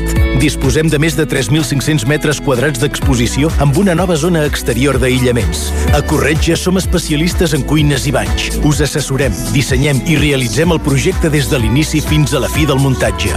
100% cuines, 100% banys. Al carrer Mas Vigues 8 de Vic, a corretja-sl.com o a Instagram.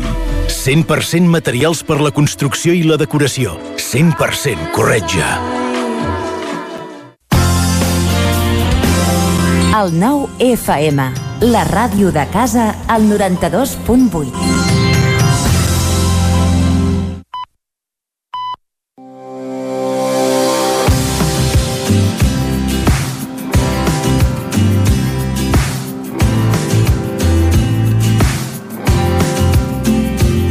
El terme municipal de Sant Martí de Centelles es troba al límit més meridional de la comarca d'Osona i limita amb el Vallès Oriental.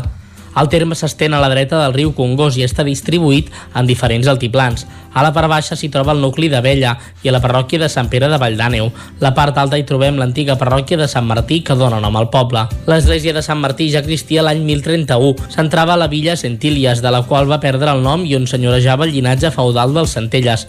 Modificat en diverses ocasions, el temple és actualment un edifici barroc del segle XVII que té al seu costat la cripta neogòtica dels comtes de Centelles, edificada entre els anys 1895 i 1897. Està situada a peu del castell de Sant Martí, amb el qual estigui relacionada històricament. Sant Pere de Valldàneu és un edifici romànic originalment del segle XI, modificat posteriorment als segles XII i XIII i centrava al Vilar d'Anielis, documentat a finals del segle IX, que dona nom al mas Valldàneu i a la vall en general. El conjunt situat en un paratge de gran bellesa inclou els sepulcres gòtics del Mas Castellà i el Panteó modernista del Santies. L'església de Sant Miquel de Particis es documenta l'any 1154, quan ja fa temps que existeix. Entre 1680 i el 1690, el temple original va ser reedificat a iniciativa dels grans masos de la Rodalia i el 1738 va ser objecte d'altres obres que li van donar la seva fesomia actual. L'entorn de l'església és un bon punt panoràmic de la vall del Congost i del massís del Montseny. La capella de Sant Jaume de la Vella, edificada a partir de l'any 1692 per Francesc Vila de la Vella, en substitueix una altra de més antiga, que es trobava al peu de la cinglera i arran del camí ral. La seva advocació té una clara relació amb els viatgers i passavolants de camí ral de Barcelona a Vic. Avui Sant Jaume és el patró de Sant Martí de Centelles. El pont de la Vella va ser construït el 1754. És una gran obra d'enginyeria civil de l'època i dona testimoni de la puixança econòmica i estratègica del camí de Barcelona a Vic al segle XVIII. Localment va permetre el pas del riu Congost i el desenvolupament dels veïnats de la Vella i d'Aigua Freda.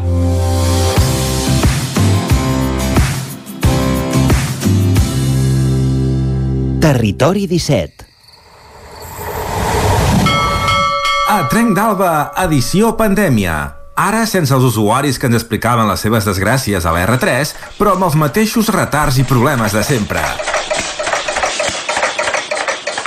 Benvinguts a Tren d'Alba. Doncs mireu, el grup de Pedalem la Garriga aquest dissabte, coincidint amb el Dia del Medi Ambient o de la Natura, farà una gincam en bicicleta per inaugurar el nou aparcament de bicis de l'estació de 5 a 7 de la tarda per ensenyar com funciona. El cartell de l'activitat s'hi descriu que la gincama serà per tot el poble i per equips d'un màxim de 6 participants amb un mínim d'un adult. Les inscripcions s'han de fer al correu de Pedalem la Garriga. Fins a les 7 hi haurà proves a l'aparcament de bicis i si tens la bicicleta espatllada amb les rodes desinflades o qualsevol altra incidència, allà a l'estació hi ha un nou punt d'autoreparació i t'ajudaran a arreglar-la. També aprofitaran la vinentesa per presentar la nova guia ciclable amb les connexions més segures entre pobles. Cal recordar que és obligatori que els menors de 16 anys han de dur casc. No sempre tenim bones notícies, però últimament és veritat que hi ha moltes estacions que s'estan renovant i això sempre s'ha de celebrar i que duri. Va, ens retrobem demà amb més històries del tren i de la R3. Territori 17 El racó de pensar a Territori 17. Doncs Vicenç, després d'anar uh, descobrint Catalunya i a la R3 uh -huh. amb casc, això sí, si Oh, i som majors de 16 anys o Seria ja no, cas. sí, sí, sí.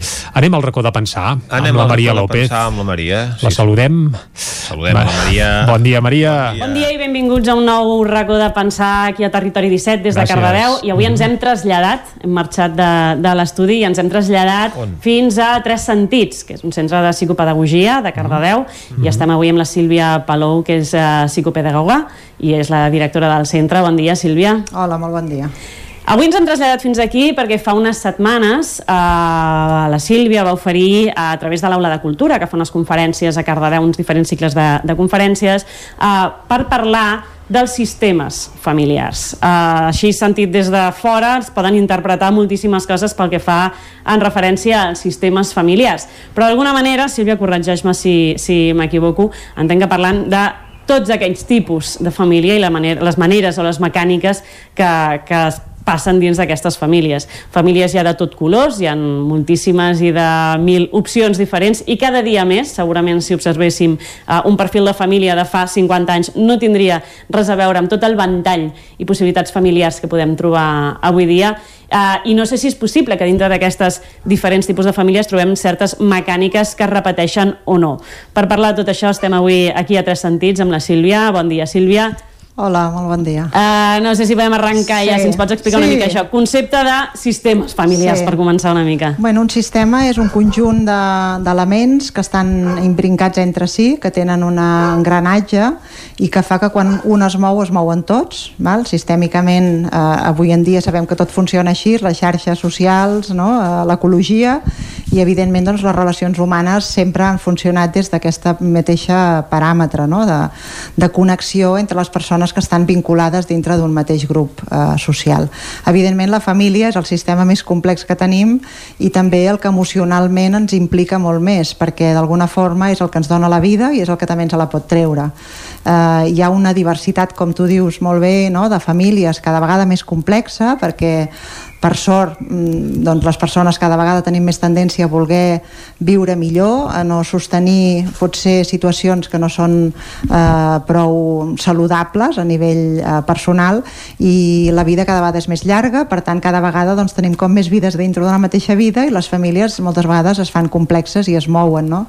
eh, i per tant això fa que hi hagi una diversitat molt gran de famílies i això és estupendo i és fantàstic però sí que veiem que hi ha uns eh, paràmetres que són com molt conservadors a dintre del que és el concepte de sistema perquè precisament com que som mamífers, les persones som animals mamífers i una estoneta, no? fa molt poc a dintre de la nostra història doncs, que som també, tenim aquesta part cognitiva eh, funcionem moltes vegades doncs, per poder tirar endavant i sobreviure i per tant hi han històries que es viuen a dintre del sistema que tenen una repercussió emocional forta i que depèn eh, una miqueta de com ha estat tota aquesta història dels nostres antepassats eh, sobretot parlem molt dels avis, eh, els pares i les mares evidentment, però avis i àvies i fins i tot besavis i besàvies que han viscut històries que són complexes i que tenen una repercussió, deia, important a nivell dolorós, no? que ja eh, s'han viscut situacions que porten un, un ressò emocional i que el que veiem és que hi ha una, mm, una herència que es va passant d'una generació a una altra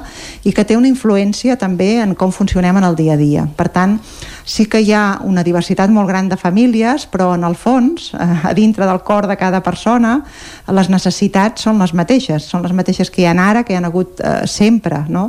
I que d'alguna forma, per exemple, aquesta necessitat de la pertanyença, de sentir que formo part de la família, eh, és essencial com a mamífer per sentir que estic cobert, no? que tinc la seguretat i l'estima de les persones d'aquesta família. I per tant, moltes vegades, algunes de les reaccions, dels comportaments, fins i tot dels símptomes, no? No? que fan potser fills i filles o o, o adolescents eh, o fins i tot els pares i les mares eh, veiem que tenen de vegades mirant la història familiar tenen una raó de ser que va més enllà de la nostra voluntat fins i tot de vegades de la nostra consciència Entenem doncs una mica pel que deies que eh, aquestes noves formes de família, aquestes noves estructures que reconstrueixen amb aquest, eh, amb aquest fet de perseguir la felicitat que dèiem no? Uh -huh. i que és totalment eh, lloable d'alguna manera sí que afecten indirectament a aquesta sensació de pertànyer a un lloc? Sí, tenen aquesta repercussió de tribu, perquè, diguéssim, exacte, una mica exacte, de tribu, sí, perquè d'alguna forma és com que cada vegada que es mou el sistema com que és un engranatge fa que encara que hi hagi una peça que no és la teva que es mou fa que tu també et moguis i fa que es mogui tot el sistema eh? si per exemple, doncs, posant una, un exemple molt bàsic i molt clar i molt general, que és que arriba un segon fill en una família, està clar que el lloc que ocupava el primer fill o filla queda desplaçat perquè s'ha d'incorporar un nou no? i per tant aquí es mou la parella es mou el primer fill perquè el segon fill tingui lloc això que és un moviment que dintre de tot doncs, és petit perquè encara la família és petitona doncs porta una repercussió emocional del fill gran de sentir, ostres, m'estimen igual eh, la mare ja no em tracta igual perquè ara allà on estava jo hi ha una altra criatura no? és a dir, hi ha un moviment emocional intern que de vegades és molt eh, inconscient no? de que un no pot posar paraula que és el que li està passant però sí que ho sent eh, perquè sent la possibilitat de quedar-se fora no?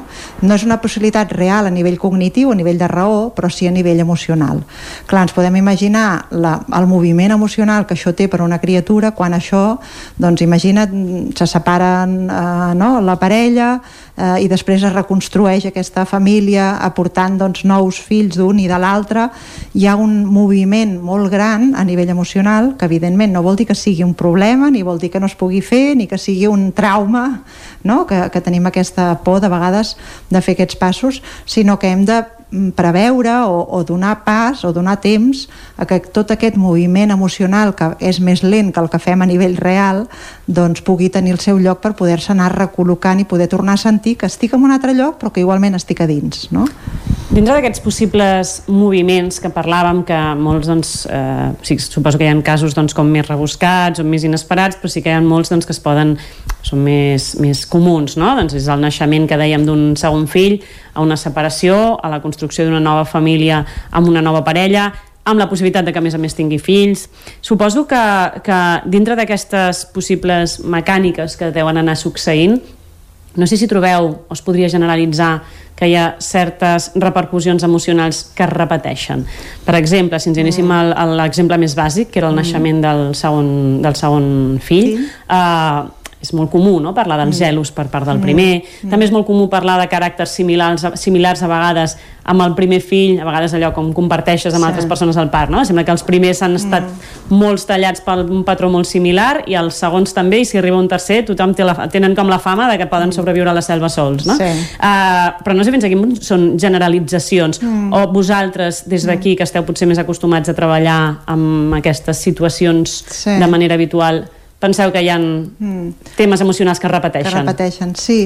De fet, el que veiem és que, eh, o sigui, jo sempre poso aquest exemple perquè penso que és molt gràfic. La família és com un trencaclosques i cadascú ocupa una peça d'aquest trencaclosques i, per tant, si resulta que el primer fill doncs, és una persona que té molta necessitat de, crear, de cridar l'atenció, és l'alegria de la casa, per què? A part de la seva essència, que cadascú portem la nostra, però resulta que eh, arriba un moment de la família en el que, no sé, doncs hi ha hagut una mort o hi ha hagut una enfermetat o hi ha un, una situació difícil a la família i sent que se li fa molt de cas quan és l'alegria de la casa va aprenent a formar un caràcter que té aquestes peculiaritats. No? La seva defensa és fer aquest moviment i donar aquesta alegria a la casa. Clar, aquest primer fill ocupa aquesta primera peça, quan arriba el segon, aquesta peça ja està com ocupada, sí? És a dir, eh, els germans i les germanes són com vasos comunicants, eh? eh diguem moltes vegades als pares que no entenc que són tan diferents, no? Els fills eh, provenen del, del mateixa font, quan és que són la mateixa, els mateixos progenitors, però en canvi són tants diferents, i és perquè necessitem com trobar un lloc que sigui propi, que no estigui ocupat, per dir-ho així, i per tant, d'alguna forma, doncs sí que es, es van generant com una diversitat molt gran de rols, adults, no? Però clar, el que passa moltes vegades és que sobretot entre germans, no? que és una de les vivències difícils que tenim a la vida, perquè passa una incongruència que ens és molt difícil d'entendre a nivell emocional, que és que partim del mateix punt, són dos vides paral·leles que parteixen d'un mateix punt, sí? El pare i la mare és el meu pare, és la meva mare, però el meu germà diu que també són seus, no? Aleshores, aquesta dificultat no la té el primer fill, és a dir, el primer fill té per ell sol el pare i la mare, i això no passa mai més amb cap dels següents, no? El primer fill també és el que d'alguna manera paga podríem dir, les novetades no? dels pares, perquè encara ens estem trobant doncs, amb què vol dir això d'exercir de, aquests rols. I en canvi el segon hi ha algun camí que ja el tenen, que ja el tenen après. Eh? Per tant, diguéssim que hi ha unes repeticions, però també hi ha unes peculiaritats que tenen molt a veure també en quin moment de vida s'està vivint en tot el context familiar. No? La mirada sistèmica eh, ens ajuda també a entendre que els símptomes, els comportaments, les maneres de fer de les persones no tenen que veure només amb com és aquella persona, sinó el per a què tot això que està mostrant té un sentit en tot el context familiar. I per tant la manera de poder ajudar, de poder intervenir, de poder acompanyar intentem també sempre eh, tenir com una comprensió àmplia de com funciona i què és el que necessita cada persona per poder-se sentir que forma part o que ocupa el seu lloc a dins la família, no? perquè aquest és un altre aspecte també com molt important. Clar, llavors entenc que d'alguna manera acabem desenvolupant eh, el nostre caràcter en funció d'aquest encaix que intentem mm -hmm. eh, fer dintre aquest puzzle familiar que ens Exacte. toca viure, que podria ser qualsevol altre, no? Exacte. Eh, això també pot suposar d'alguna manera que visquem un paper o una peça del puzzle que potser no seria el nostre de manera natural? Sí, aquí és allà on hi ha més dificultats, sí? perquè quan eh, hi ha una incongruència dintre, no? que això ho expliquen molt bé de vegades algunes criatures, no? per exemple, eh, una, un infant, no sé, poso exemples de persones que estem acompanyant i que me venen ara al cap, no? eh, que és molt sensible i que té una manera de fer no? com molt, eh, que necessita com molta cura en la manera de fer les coses perquè les viu amb molta intensitat emocional igual, eh, doncs no sé té un pare que tenia l'expectativa de tenir un fill molt canyero i molt, no? que, que resolés les coses d'una altra manera potser i segurament perquè ja ell ha passat alguna situació que fa veure que eh, pel món o es va amb duresa o no es tira endavant no és que vulgui una cosa perquè sí no? Les pares i les mares sempre volem el millor pels nostres fills i filles i sempre que donem alguna d'aquestes mirades cap als nostres fills és per un bé, és per, per amorós, no?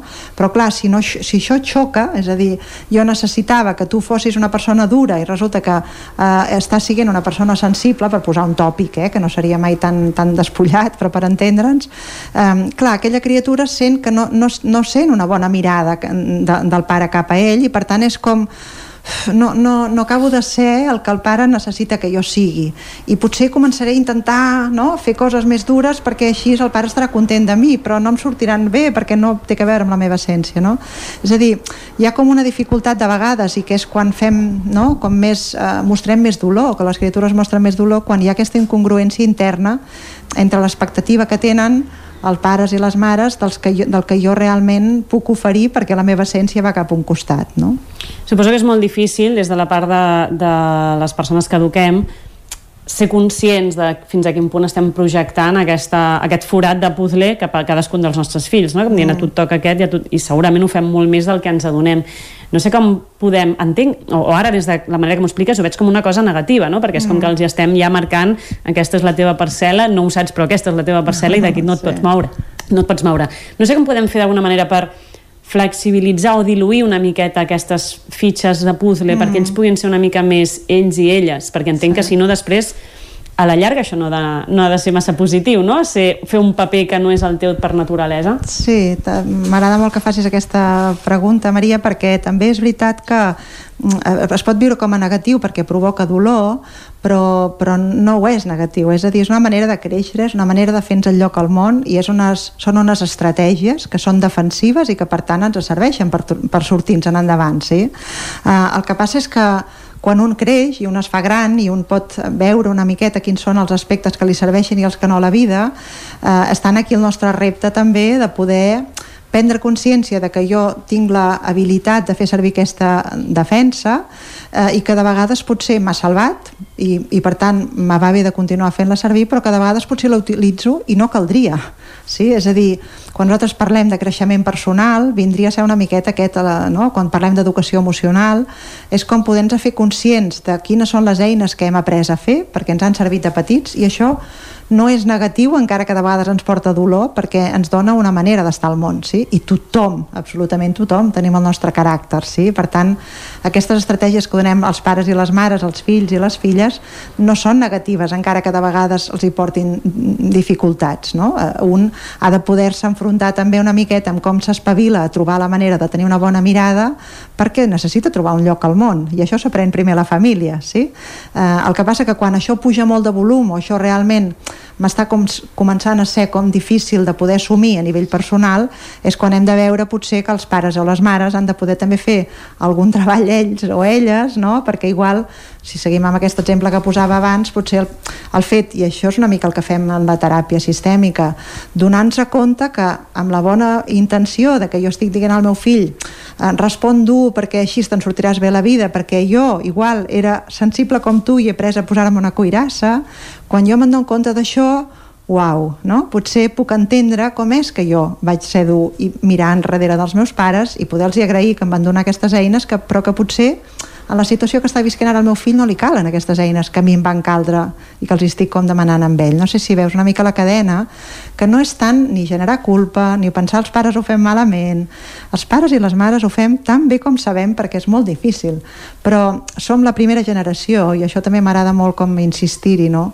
que tenim el privilegi de poder estar pensant i parlant ara de tot això eh, sense haver-ho d'actuar d'una forma automàtica, com han hagut de fer els nostres pares eh, i mares, no? I per tant, no es tracta de generar culpes ni de veure els fills com si fossin de vidre i que pobrets el que els estic fent, ni molt menys, eh, sinó que es tracta de poder anar millorant com a espècie, per dir-ho així, i donar-nos compte de que així com els animals eh, moltes espècies actuen per repetició doncs nosaltres potser estem com no, creixent de, de consciència i podem començar a fer les coses diferents sense la dificultat que això representa fer diferent del que m'han ensenyat els meus pares, no? Perquè això ho veiem, per exemple, fent de mares. Dius, això jo no ho faré, no? Com la mare. Quantes I, vegades oh, hem dit aquesta frase? Això no, no ho faré jo quan... I, i patapam, de, de quatre grapes, clar, eh, em sembla? Clar, perquè ho portes inherent, no? Perquè no ho has après, sinó que ho has pres, ho, has, ho portes com inscrit. No?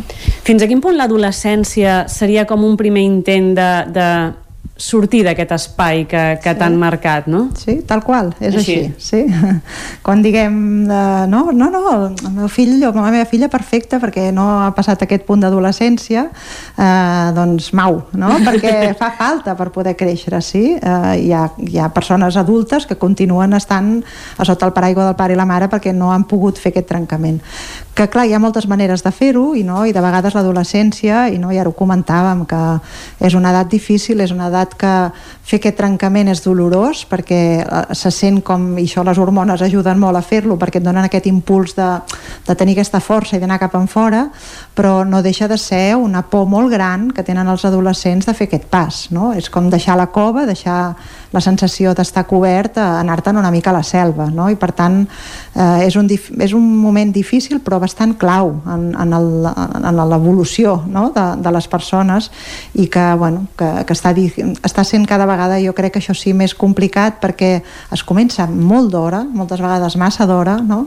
eh, hi ha una pressió social, eh, no? consumista i, i, i, i de la nostra societat que fa que l'etapa de la infància sigui molt curta i que l'adolescència duri moltíssim i això no és bo, no és sa perquè posa les criatures en una situació de molta vulnerabilitat que s'han de buscar eh, tribus fora de casa eh, i, i posar-se en mans de persones que no coneixen ni saben molt bé el què i provoca situacions eh, que són més de perill, no? de més d'incertesa i ells la viuen amb, amb molta dificultat. Què, què, què creus que és el que fa que s'avanci d'alguna manera aquesta, mm. aquest moment? No? Eh, això es, mm, es diu molt sovint, no? ara es comença tot abans, però mm. què ho ha fet? Un canvi, doncs, com per exemple als instituts, l'edat dels instituts és un tema quasi natural jo crec que és social, primer, perquè cada vegada més és com que veus, no sé, eh, criatures amb 8 anys que ja volen portar no? eh, una roba que, són, que és de noia o de noi quan encara són nens i nenes. Eh, per tant, socialment hi ha una pressió molt gran per, per poder fer aquest pas, perquè evidentment es consumeix molt més, això penso que ho hem de saber-ho. I hi ha un tema a nivell d'estructura del sistema educatiu que jo no m'he repetit, no m'he cansat mai de dir-ho i penso que som molta gent en el món educatiu que ho veiem així, que realment el salt de sortir de l'escola en una edat en la que encara són criatures, són nens i nenes i s'han d'anar a enfrontar en un lloc on hi ha persones molt més grans amb la vulnerabilitat que representa una edat en la que sortir no? d'allà on tu tens el coneixement i, i una mica el domini, no? sentir-te el gran de l'escola és molt positiu, però sentir-te tan petit en un lloc gran doncs porta molta més incertesa i aquesta incertesa de vegades la tapen fent-se més grans, no? És, és com el que fan, no sé, doncs, eh, allò que diguem perro ladrador poco mordedor, no? Doncs voler aparentar molt una, una situació que, que no és la que sents per, per no sentir-te tan petit i tan vulnerable, no? I això fa que s'inflen, per dir d'alguna manera, d'una manera que no, no els hi és sana. No? Per tant, aquest, aquest salt jo crec que no, no és una bona estratègia a nivell evolutiu, de psicologia evolutiva de, dels infants, no? i això no ha facilitat, eh, evidentment, perquè són dos anys que són molt eh, difícils i molt crucials no? en, el, en el desenvolupament de l'adolescència. La, Tornant una mica al tema dels, dels sistemes i aquests, eh, aquestes reaccions emocionals una mica que es repeteixen, abans parlàvem del naixement del segon germà, però anant a un altre exemple, una separació, no? Mm. Entenc que també deuen haver-hi eh, reaccions emocionals que deuen ser que es deuen repetir, sigui quin sigui el teu caràcter, no? Mm. Sí, el que, el que veiem a les separacions, que sigui quina sigui l'edat dels infants, la viuen, això és el primer que també hem de, com de recordar, no? que de vegades els adults tenim tendència a pensar que com que si els infants són petits les coses no, no, no, no s'assabenten de què és el que està passant i és al revés, o sigui, com més petit és l'infant, més eh, exposat està en tot el món emocional dels adults, perquè encara no ha, posut, no ha pogut posar prou filtre racional com per poder entendre. Per tant, eh, és important poder parlar o poder compartir amb els infants, siguin quina sigui l'edat, el que s'està vivint a casa, sigui quin sigui el model o el punt en el que ens estem trobant, no? perquè de vegades hi ha pares i mares que, clar, que allarguen aquest procés de separació, tot i que la parella ja estigui eh, acabada, eh, perquè bueno, no hi ha possibilitats d'anar-se'n en cases diferents o pels motius que siguin, i aleshores és com, no ho diguem perquè encara no ho hem fet. No? Eh, jo crec que és molt important que els infants siguin al corrent de què és el que s'està vivint, perquè ells ho perceben. Aleshores, poder posar paraules i poder parlar del que estic sentint és sempre molt millor que no pas quan percebem que passen coses greus i importants però que no tenim el, el què, no? Per tant, aquest és un aspecte que penso que és important. L'altre és com molt eh, també bàsic de poder-los fer saber als infants, als fills i les filles, que la separació de pare i la mare és com a parella, no? eh, o, o de la, les dues persones de la parella no és com a pares i mares que se separen, sinó que és eh, com, a, com a gènere, com a, com a adults que són parella, sí? com separar aquests dos conceptes de parella i de pare i mare eh, és important perquè si no, de vegades mm, eh, els fills tenen tendència a pensar que potser ells tenen culpa o potser han fet coses que han provocat aquesta separació. No? Llavors, separar aquests dos conceptes crec que és una cosa que també els pot ajudar. No?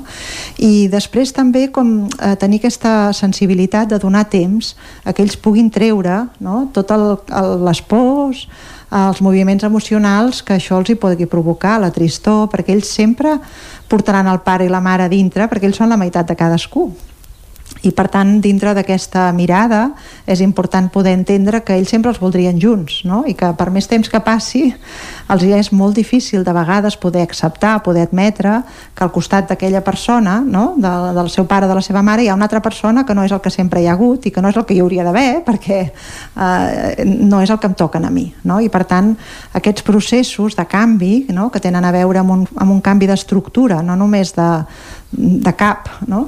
Um, volen temps, volen temps i, i també volen poder esplayar-se en les emocions que això els hi provoqui. I hi ha una frase que jo sempre dic perquè m'agrada molt, la vaig dir també a la, a la trobada que vàrem fer en el, en el, en l'aula de cultura, no? que és que nosaltres anem pel món amb cotxe però l'ànima va a peu, no? o sigui, la nostra manera de poder pair el que vivim a nivell emocional té un ritme que molt més lent, que va endavant i endarrere, i que coses que potser ja pensàvem que estaven superades, després les tornem a mastegar no? i tornem a haver-nos de tornar a digerir. I per tant, per exemple, una separació és un, és un tema que porta un procés de dol important. No? Doncs quedem-nos amb aquesta última frase que ens deies i deixem a l'ànima que vagi a peu tranquil·lament i fent el, el recorregut que li correspon en cada moment de, de la vida. Moltíssimes gràcies, Sílvia, per, per aquesta estoneta, per haver compartit amb nosaltres eh, tot aquest gran tema dels sistemes familiars que ja vas poder compartir a l'aula de cultura. I, I de nou ja saps on tenim l'estudi. Benvinguda sempre que vulguis a, Molt bé, moltes a gràcies, seguim, seguim treballant. Molt bé. I nosaltres tornem al relleu a Vic amb els nostres companys, amb en Jordi i en Vicenç, uh, però tornarem dijous vinent amb un nou racó de pensar a Territori 17. Doncs t'esperem eh, dijous vinent, Maria. I tant que sí, dijous vinent, més racó de pensar. Ara és el moment, però, de tancar no el racó de pensar, sinó tot el territori 17 d'avui. Un territori 17 que aquest dijous l'hem fet possible gràcies a... Clàudia Dinarès, Isaac Muntades, David Auladell, Caral Campàs, Pepa Costa, Òscar Muñoz, Guillem Freixa, Natàlia Peix, Núria Lázaro, Jordi Soler, Maria López, Jordi Sunyer i Vicenç Vigues. Nosaltres tornarem demà, divendres, com sempre, fent-vos companyia des de les 9 del matí i fins a les 12 del migdia. Adeu. Que vagi molt bé, adeu-siau.